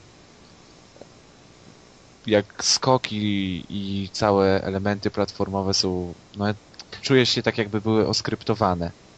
Po graniu w Assassina i w jakieś inne platformówki, no, powstały powst w erze w erze obecnych gier komputerowych powstały inne rozwiązania gameplayowe, o których chyba twórcy Prince of Persia nie wiedzieli i dalej postanowili, że jako, jestem głupim graczem i na ścianie 20 metrów na 20 złożonym z żółtych, z, żółtych, z żółtego piaskowca nie będę widział wystających y, kloc, klocuszków z żółtego piaskowca, tylko oni mi walną centralnie po prostu na środku brązowe klocki, żebym wiedział dokładnie gdzie iść, żebym się przypadkiem nie zgubił. W Enslaved jeszcze świeciły, więc jeszcze nie jest tak źle. To, też to było, też to było. No wiesz, i tutaj tak, mamy ten sam, praktycznie ten sam zamek, ta sama stylistyka, nie wiem, może ze dwóch artystów było zatrudnionych do robienia całej gry, tu max, bo wszystko jest no zrobione poprawnie, ale to są ciągle te same, ciągle te, ci sami przeciwnicy, ciągle te same lokacje, ciągle te same tekstury ciągle albo chodzimy po ścianach, albo chodzimy po belkach, albo przeskakujemy nad wystającymi ostrzami, Ale albo omijamy są... tarcze, które wystają ze ściany i to wszystko.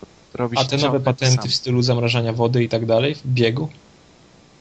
No, no to jak na nową grę i powrót tego, to niesamowicie dużo. Mamy zamrażanie wody, czyli zamrażanie wody polega na tym samym, co co zwykła ściana lub zwykły drążek, tylko tyle, że musimy w trakcie lotu nacisnąć yy, przycisk odpowiedzialny za zamrożenie wody, żeby on się nie chwycił wody i nie spadł, tylko żeby, tylko żeby po prostu ta woda zamarzła.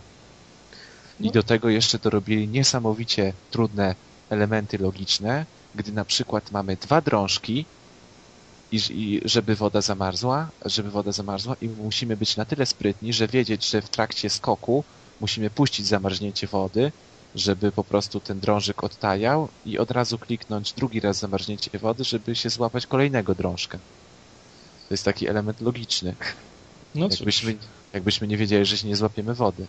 Do tego, do tego walka z wrogami, która jest która jest tak łatwa, że nie rozwijałem w ogóle, w ogóle praktycznie pastka życia, bo się nie opłaca, bo wystarczy wskoczyć im na głowę, kliknąć atak i wtedy przycinamy wroga. Od, od, odjechać trochę, odjechać, odjechać od tych wrogów, skoczyć drugiemu na głowę, nacisnąć atak i wtedy go zabijamy. I tak po prostu sobie możemy po kolei wykańczać wrogów. Co jakiś czas nam się ładuje czar. Nieważne jaki czar mamy i tak zabijamy wrogów praktycznie tym samym. Czy to zabijemy, im og- o, czy to zabijemy ich ogniem, czy to zabijemy ich wiatrem, co za różnica. To typowa gra filmowa, no, jednym słowem.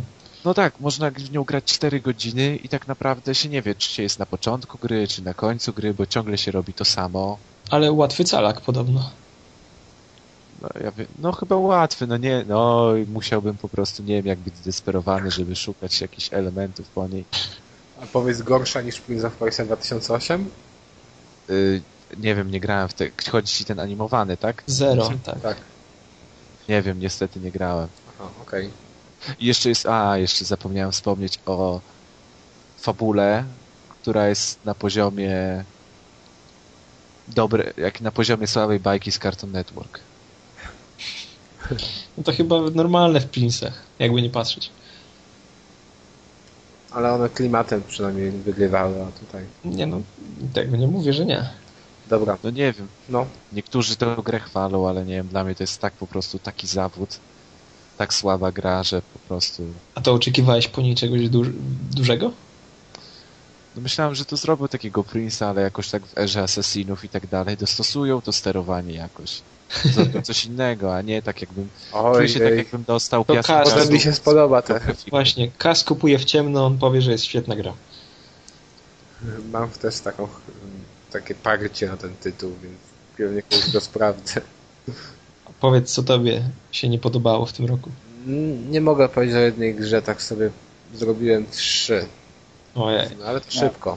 Epic no. Mickey to mówiłem już na podcaście, że po prostu myślałem, że tam będzie świetna gra, wyszła słaba gra z powodu kamery, z powodu założeń koncepcyjnych, które na początku pewnie były świetne, później im coś nie wyszło, za mało dodatkowego kontentu, za mało radości ze skakania, za mało y, jakichś fajnych urozmaiceń, cały czas robimy to samo, non-stop frustruje nas ta kamera, non-stop walczymy z tymi samymi przeciwnikami, po prostu nuda. Kolejna gra to jest wychwalana przez wielu. Battlefield Bad Company 2 to jest... O Jezus, po, idę, sobie, idę sobie. Dobra, na razie to jest... to jest... To cześć Kas, to do zobaczenia za tydzień. Dobra, to ja sobie dogram sam teraz końcówkę. To jest... Nie no, ja nie grałem. To jest dla mnie pierwszy Bad Company y, i no, miała być świetna gra. Kupiłem ją tylko dla multiplayera bo tylko tak samo Call of Duty poprzednie też tylko dla multiplayera kupowałem. I powiedz, że to ma słaby multiplayer. Pograłem w to z, z kumplem, bo podobno się grać samemu nie da. Powiem tak, z jednym kumplem też się grać nie da. Przynajmniej w naszym przypadku. Chodzenie po ogromnej mapie, gdzie muszę iść 5 minut, żeby natknąć się na jakiegoś wroga, Y, dwa razy do mnie strzeli, nie żyje, znowu mnie cofa da, na początek, idę znowu. O, no, o, no nie dwa razy, ja no to siedzę, nie jest Call of Duty. Siedzę w czołgu, strzelam kolesiowi prosto w twarz, normalnie z rakiety, a on przeżywa, no po prostu myślałem, że padnę w tym momencie i tak non-stop się działo, no, ta broń się później zwiększa jej Nieprawda, jak się wsiadało do czołgu, to się kosiło równo. No jakoś u mnie to nie działało.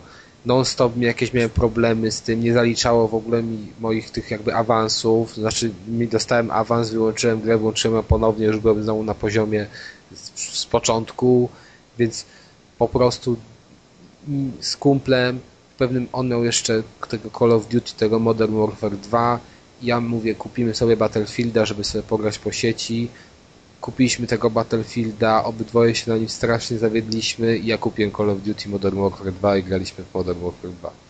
To ja nie wiem, czy ja w to nie umiem grać, czy co, to jest dla mnie no, największy zawód. Nie mówię o... Ja muszę teraz tylko powiedzieć wszystkim słuchaczom, że jeżeli nie ściągniecie następnego odcinka naszego podcastu, to jesteście usprawiedliwieni. tak.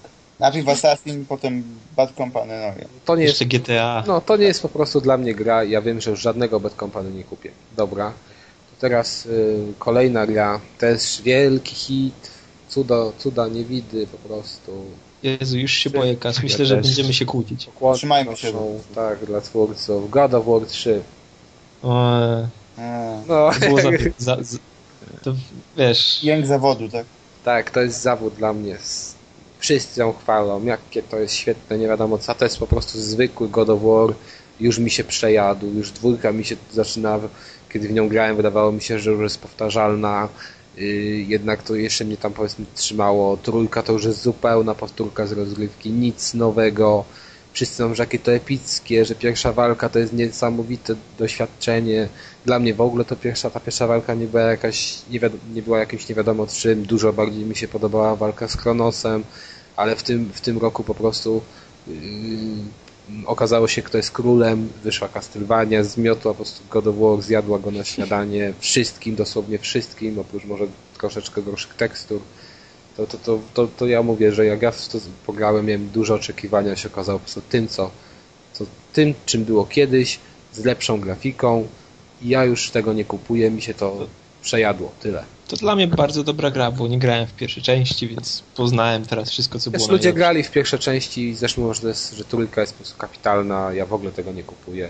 Ale zgadzam się z tą pierwszą walką, bo kurde, ile razy już słyszałem opinię, że ona jest taka świetna, epicka, coś tam, coś tam, coś tam, a to była dla mnie najgorsza walka z całej gry, ta z tą, tym, tym z Poseidonem. Ja powiem tyle, że dla mnie w ogóle otwarcie, lepsze otwarcie miał God of War 2. Tylko nie, nie, nie rozumiem w ogóle czym się ludzie jarają. To jest niby jakiś rozmach, coś. Ja, te, ja tego w ogóle nie dostrzegam, nie wiem. Dla mnie to, to faktycznie też jest. Masz za mały telewizor. No, Właśnie, Za daleko, za daleko się od ekranu. Hmm. Więc, no, tyle, no. Nie wiem, co jeszcze mam powiedzieć. To co? Przechodzimy do następnej kategorii. Ostatniej Jaki? już. No, Jaki? Najlepszej kategorii. Najgorsza gra roku. To zawód już był. Jaki zawód, Adam? Gdzie A to na jakieś mamy te niezgodności w skrypcie. Nie, najgorsza gra roku. Mam nadzieję, że panowie się przygotowaliście, że Adam, Adam tam szybko Tak. No oczywiście. Jezu. Znaczy nie, nie ja... A, a Dobra, musimy powiedzieć tak. inną grę?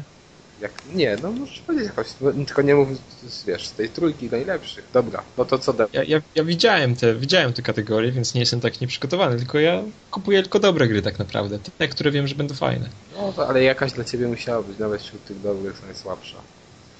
No to nie Powiedz, wiem, nie musi być zła, ale najgorsza gra z tego roku, jaką grałeś. To może zaczniemy od Deusza. Deusz. To ja bym powiedział Prince of Persia, ale żeby jeszcze po prostu pojechać kogoś, to powiem Dante's Inferno. Dobrze, dobrze. Nie zgadzam się zupełnie. To ja powiem szczerze, że nie wiem nawet, czy mi więcej radości Dante's Inferno nie sprawił niż God of War 3. Bo teraz spróbujesz być taki alternatywny. Dlaczego tak. alternatywny? Cool i w ogóle. Jaki cool? A dlaczego? No przecież Hipsterze przed chwilą mówiliście, że jak, że jak powiem, że nie wiem, Battlefield mi się nie podoba, to już nikt nas nie będzie słuchał, a teraz mówicie, że zupełnie na odwrót. No jak? Jak? No to Deusz tak mówił, no przepraszam, nie wy. Ale nie rozumiem teraz ja tego już, punktu. Już, wiesz, że teraz już jesteście usprawiedliwieni, nie musicie nas słuchać, skoro, wiecie, mówiłem, że nie podoba mi się Battlefield. A teraz mówisz, że ci się nie podoba God of War i wolisz Dante's Inferno. Tak, no a kurde. teraz mówisz, to jeszcze większy że chce być alternatywny, nie no. Jesteś tą drugą osobą na świecie po, po twórcy do Dante. no nie wiem, no. Nawet oni sprzedawali po 70 zł 3 miesiące nawet, po premierze. Nawet im się zagranie podoba.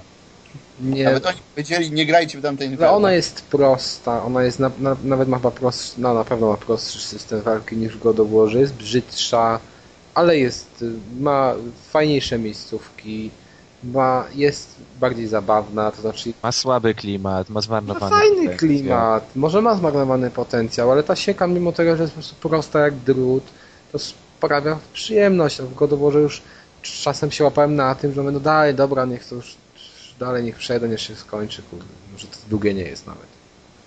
Ech. No dobra, no to, no to co tam dalej? Łatwi bossowie nie sprawiają przyjemności we Deusz już, no dobra, Deusz już by...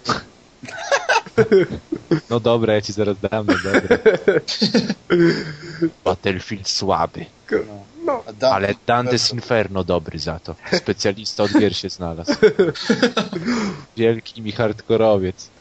Dobra, Deusz. Skończ lamentować. Możesz sobie w podcaście to zrobić. Teraz może przejdziemy do Sheraka. Sherak, co tam u ciebie? E, najgorsza? Kane Lynch. ale grałeś w niego w tym roku. Nie, to nie ma no znaczenia, tak. ale to jest gra. No. Ale to jest gra z tamtego roku. E, krótka, brzydka, nudna e, i... A jak fabuła? Nie jest nudna. Jest nudna, graliśmy razem. No nie jest, no nudna nie jest. No, nudziłeś A Kas chciał wymienić w najlepszych grach, no. Tak. Do, przy okazji mogłeś mnie posłuchać, na pewno już się nudziłeś. No właśnie. E, ale tak wracając do samej... Poczekaj, poczekaj, bo ta gra ma swoje plusy, bo wykorzystałeś w końcu swój headset. Ma plusy. O tak, wykorzystałem. Ale ma plusy, no kurde, może szereg powiem. Teraz ja się skupiam na minusach, cisza. No. no. Skupiam się na minusach. Jest brzydka yy, i to jest, jeżeli mówię, że jest brzydka, to jest brzydka po prostu. Wygląda fatalnie, wygląda jak kiepska gra z PS2. Jedynie co ją ratuje to E, to świetny pomysł z wykorzystaniem tej kamery, powiedzmy, bo, bo widzimy całą tą post- całą naszych bohaterów, tą dwójkę Kane'a i Lyncha e, z perspektywy oczywiście trzeciej osoby, ale tak jakby nas ktoś filmował. Taką kamerą e, jak z lat 80., powiedzmy, tak jak z stylu starej kasety wideo zjechanej, bardzo zniszczonej, ale to jest jedyny plus tego. Natomiast wracając do minusów, strzelanie, no, jeżeli ja strzelam z, z shotguna z, z, z metra w głowę, a koleś staje, no to coś tu nie gra. A nie graliśmy na easy. Chciałem Czepiasz się. Na, na hard... James, Jamesa Bonda ty oglądałeś? No, Buź, bu, buźka nie takie rzeczy. Sobie, sobie. To ja, ja jestem usprawiedliwiony, ja mogę mówić takie rzeczy. to to. E, dwa. E, tekstury powiedzmy, a właściwie brak e, tych tekstur. Te, te, te, ich mordy po prostu to jest po prostu ta tragedia, tam się powtarzają trzy, trzy rodzaje postaci przez całą grę i, i, i to wszystko. Jak oni gadają w ogóle, jak na przykład coś mówią, to w ogóle te, ruchy ust nie współgrają tak. z tym, co oni... tak, no, ta synchronizacja, synchronizacja yy, jest, jej nie ma, o, ten też można tak dodać w ten sposób. Więc to, to kolejny, kolejny element. No ja, jest krótka, no 4 godziny. Piotrek poprawnie. 4,5, ale to przez ten taki motyw, że nie wiedzieliśmy tam w pewnym momencie. No tak, bo tam jeszcze jest taki dziwny błąd w grze na koniec. Głupie, głupi w ogóle pomysł, że jest końcówka gry i oni rozdzielają na... Rozdzielamy, tak, bohaterowie się rozdzielają, ale tak naprawdę nie mo... trzeba, konkretna ta jedna z postaci, którą sterujemy, tak. musi coś konkretnego zrobić. Jeżeli tego nie zrobi, to ta druga generalnie ginie w, w tym konkretnym punkcie. Może, no właśnie, to było idiotyczne, bo teoretycznie Shelar miał wystrzelać strzelać tych samych ludzi co ja, tylko że był gdzieś tam na górze, ja byłem na dole. Ja zacząłem strzelać, powiedzmy, wybiłem większość i żyję, a tu mi pokazało, że tam, nie wiem, Lynch, bo Szlak w tym momencie był Lynchem, nie żyje. Nie, I mnie cofało nas znowu do początku. Po prostu myślałem, że w pewnym momencie szału dostanę, jak to widziałem. Nie wiedzieliśmy, co mam zrobić, bo ja nie zdążyłem moich wybić, a Sherlock już nie żył. A się okazało, że, że jakby ja muszę wszystkich ich wybić, otworzyć drzwi i dopiero wtedy jakby dalej pójdzie pójdzie akcja. I jak to zrobiliśmy? Że, że po prostu Shella gdzieś tam czekał, a ja sobie byłem na tym dole i wszystkich wybiłem i podszedłem do drzwi. No co to w ogóle za idiotyczny pomysł był? Cudowna kooperacja. E, teraz tak, e, dla łowców trofeów od razu też powiem, jest krótka, ale trofeów też nie zdobędziecie przez przejście gry, bo żeśmy chyba skończyli na 25% po jednym przejściu. No. Multi, multi to się nawet już nie zabrałem, bo to już szkoda pewnie słów. Tam podejrzewam nawet, nawet już chyba w to nikt nie gra. E, dodatkowo tak, e, kody na edycję kolekcjonerską już też nieważne, bo wpisaliśmy i one już nie działają. ja nie sprawdzałem swojego, aż raz sprawdzałem i mówił. Przynajmniej ja już... Ale ta edycja to była bez, bez, bez sensu w ogóle, więc... W każdym bądź razie to najgorsza gra, jaką grałem z, z gier z roku 2010. Ale wiesz, ale ona akurat, ja muszę trochę, może nie w obronę wziąć, ale coś dobrego o niej powiedzieć. Znaczy, moim zdaniem warto ją zobaczyć ktoś kupi ją tak jak my za 50 tam złotych czy za 40, to Jest tak, demo za darmo. Warto ją I sobie popatrzeć, nie cierpię. Ale warto ją zobaczyć. Dlaczego? Bo ona ma bardzo fajny klimat. Bardzo A. fajnie wygląda tam ten, nie wiem, to Szanghaj chyba był. To bardzo fajny jest ten efekt. Właśnie, ona się, ona się rozgrywa tylko w jednym mieście, bo pierwsza część to tak. po całym świecie się jeździła. Nie, nie, nie, jedno miasto. Jednym, ale, one, ale te miejscówki są różne i, i to każda, wiesz, inaczej wygląda i to nie przeszkadza, że on... Fabularnie, bo pierwsza część też całkiem niezła była. Fabularnie, wiesz co, wszyscy mówili, że ona nie ma fabuły. Ona ma fabułę, ale ta fabuła generalnie polega na tym, że po prostu wszyscy ich zdradzają i ty tych wszystkich musisz wybić. A, czyli nie ma. No, no to jest taka fabuła, no, jak jakiś, nie wiem, film klasy B, tam z Hongkongu. Szklana pułapka, sam przeciwko światu. Nie wiem, pięściami to masz karabiny, no i tyle. W każdym bądź razie Ale... znalazłem plus, e, tak w środku gry Kane Lynch biegają w stroju Adama. Jezu, bardzo... nie, to jest okropne. Oni biegają. Wszystko jest. bardzo, bardzo... ale wszystko ma taki fajny właśnie efekt, bo nie daliśmy dokończyć. To, jak to wygląda, właśnie ten taki filtr nałożony z tą kasetą wideo, że nie idziemy, jest wszystko takich kolorów, jakichś fioletowych, zniekształconych, jakichś różowych, jakichś, na przykład, że idziemy i widzimy blask lampy. Ona nie jest żółta, tylko ona ma taki filtr, że to faktycznie wygląda jak zjechana kaseta wideo. Czyli Też... takie halo wokół tak. niej, tak? no takie, no byś musiał to zobaczyć, bo nie umiem tego dokładnie opisać. Znaczy widziałem. światła, które jakby przebiega przez całość ekranu, od, jakby od tego sufitu. No to mówię, takie, takie halo wokół niej, jakieś takie te odblaski. No, no, byś, no, no nie wiem, może. W każdym razie to jest bardzo fajne. To, że mamy zasłonięte te wszystkie jakieś, nie wiem, że zabije komuś strzelasz w głowę i on leży i ta głowa niby zmasakrowana jest właśnie zasłonięta przez, ten, przez tą jakby cenzurę taką, przez takie kratki to jest też się świetnie. Tak samo jak oni biegamy na golasa, bo są cali pocięci, bo ich tam ży, żyletkami tną, to, yy, to też to wszystko tam mają zasłonięte. I to taki bardzo fajny efekt jest. Dlatego warto tak to zobaczyć.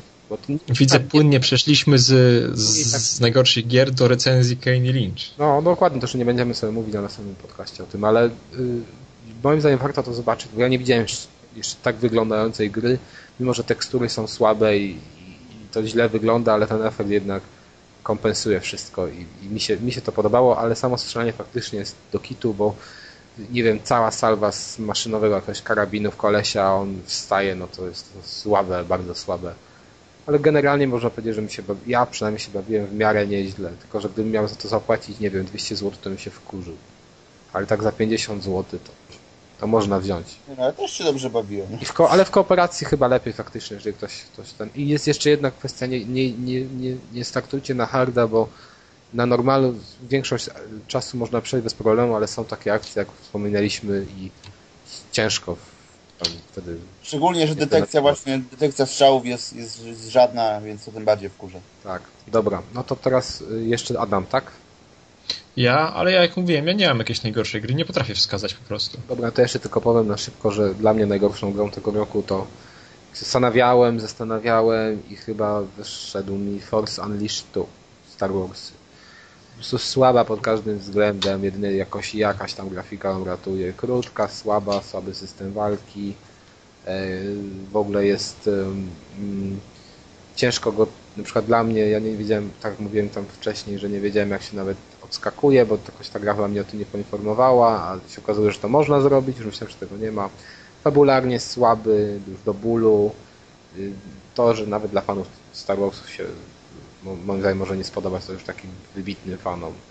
Nie warto jej w ogóle kupować. No, za 40 zł, jak ktoś mega fanem, to może sprawdzić, ale w tym wypadku to w ogóle mowy nie ma. To tyle. To co, będziemy kończyć chyba. No, dosyć się rozgadaliśmy o tym w 2010 roku. Chyba nie był taki zły. No właśnie, ja też uważam, że on nie był zły. Bardzo dużo, dużo fajnych tytułów. Ja powiem szczerze, że jakbym miał swoją dziesiątkę tytułów najlepszych wskazać, to bym musiał się dosyć długo zastanawiać. To chyba zrobię na forum, ale jeszcze muszę się nad tym zastanowić, bo nie wszystko ograłem. A jakieś oczekiwania 2.11? No to już mówiliśmy, nie? Kiedyś na innym podcaście, jakie mamy oczekiwania. W kwestii oby, gier. Oby był lepszy od poprzedniego. Był lepszy, a na razie się, przynajmniej po tych dwóch pierwszych chyba miesiącach, znaczy po tym. Żeby z, jeszcze z jedna dogrywka chociaż była. O, tak, to.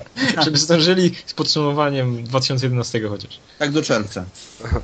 No, uważajcie, będzie, będzie podsumowanie dwóch lat czasem. No to będzie, to się, to będzie ten po prostu taki kwartalnik.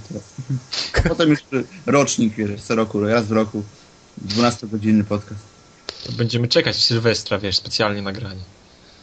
Nie no, śmiejemy się, ale czekamy oczywiście i, i oby chłopaki nagrali. Okej, okay, to prosimy no, Was o komentarze.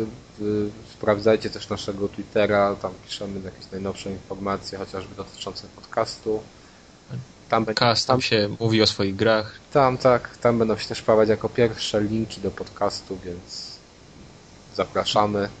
A dzisiaj już się żegnamy i, i do zobaczenia za tydzień, do usłyszenia. Cześć. Tak, cześć. cześć. 惑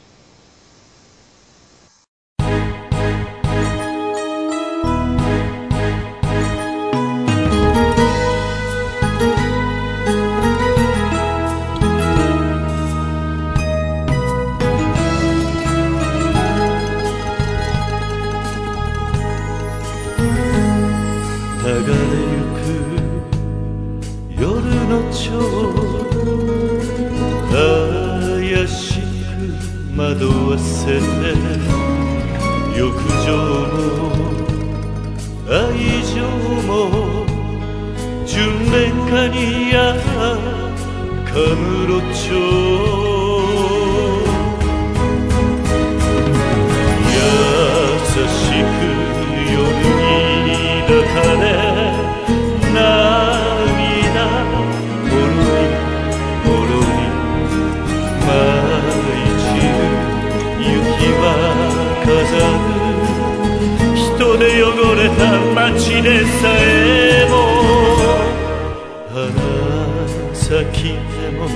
花散ると眩しい雪月か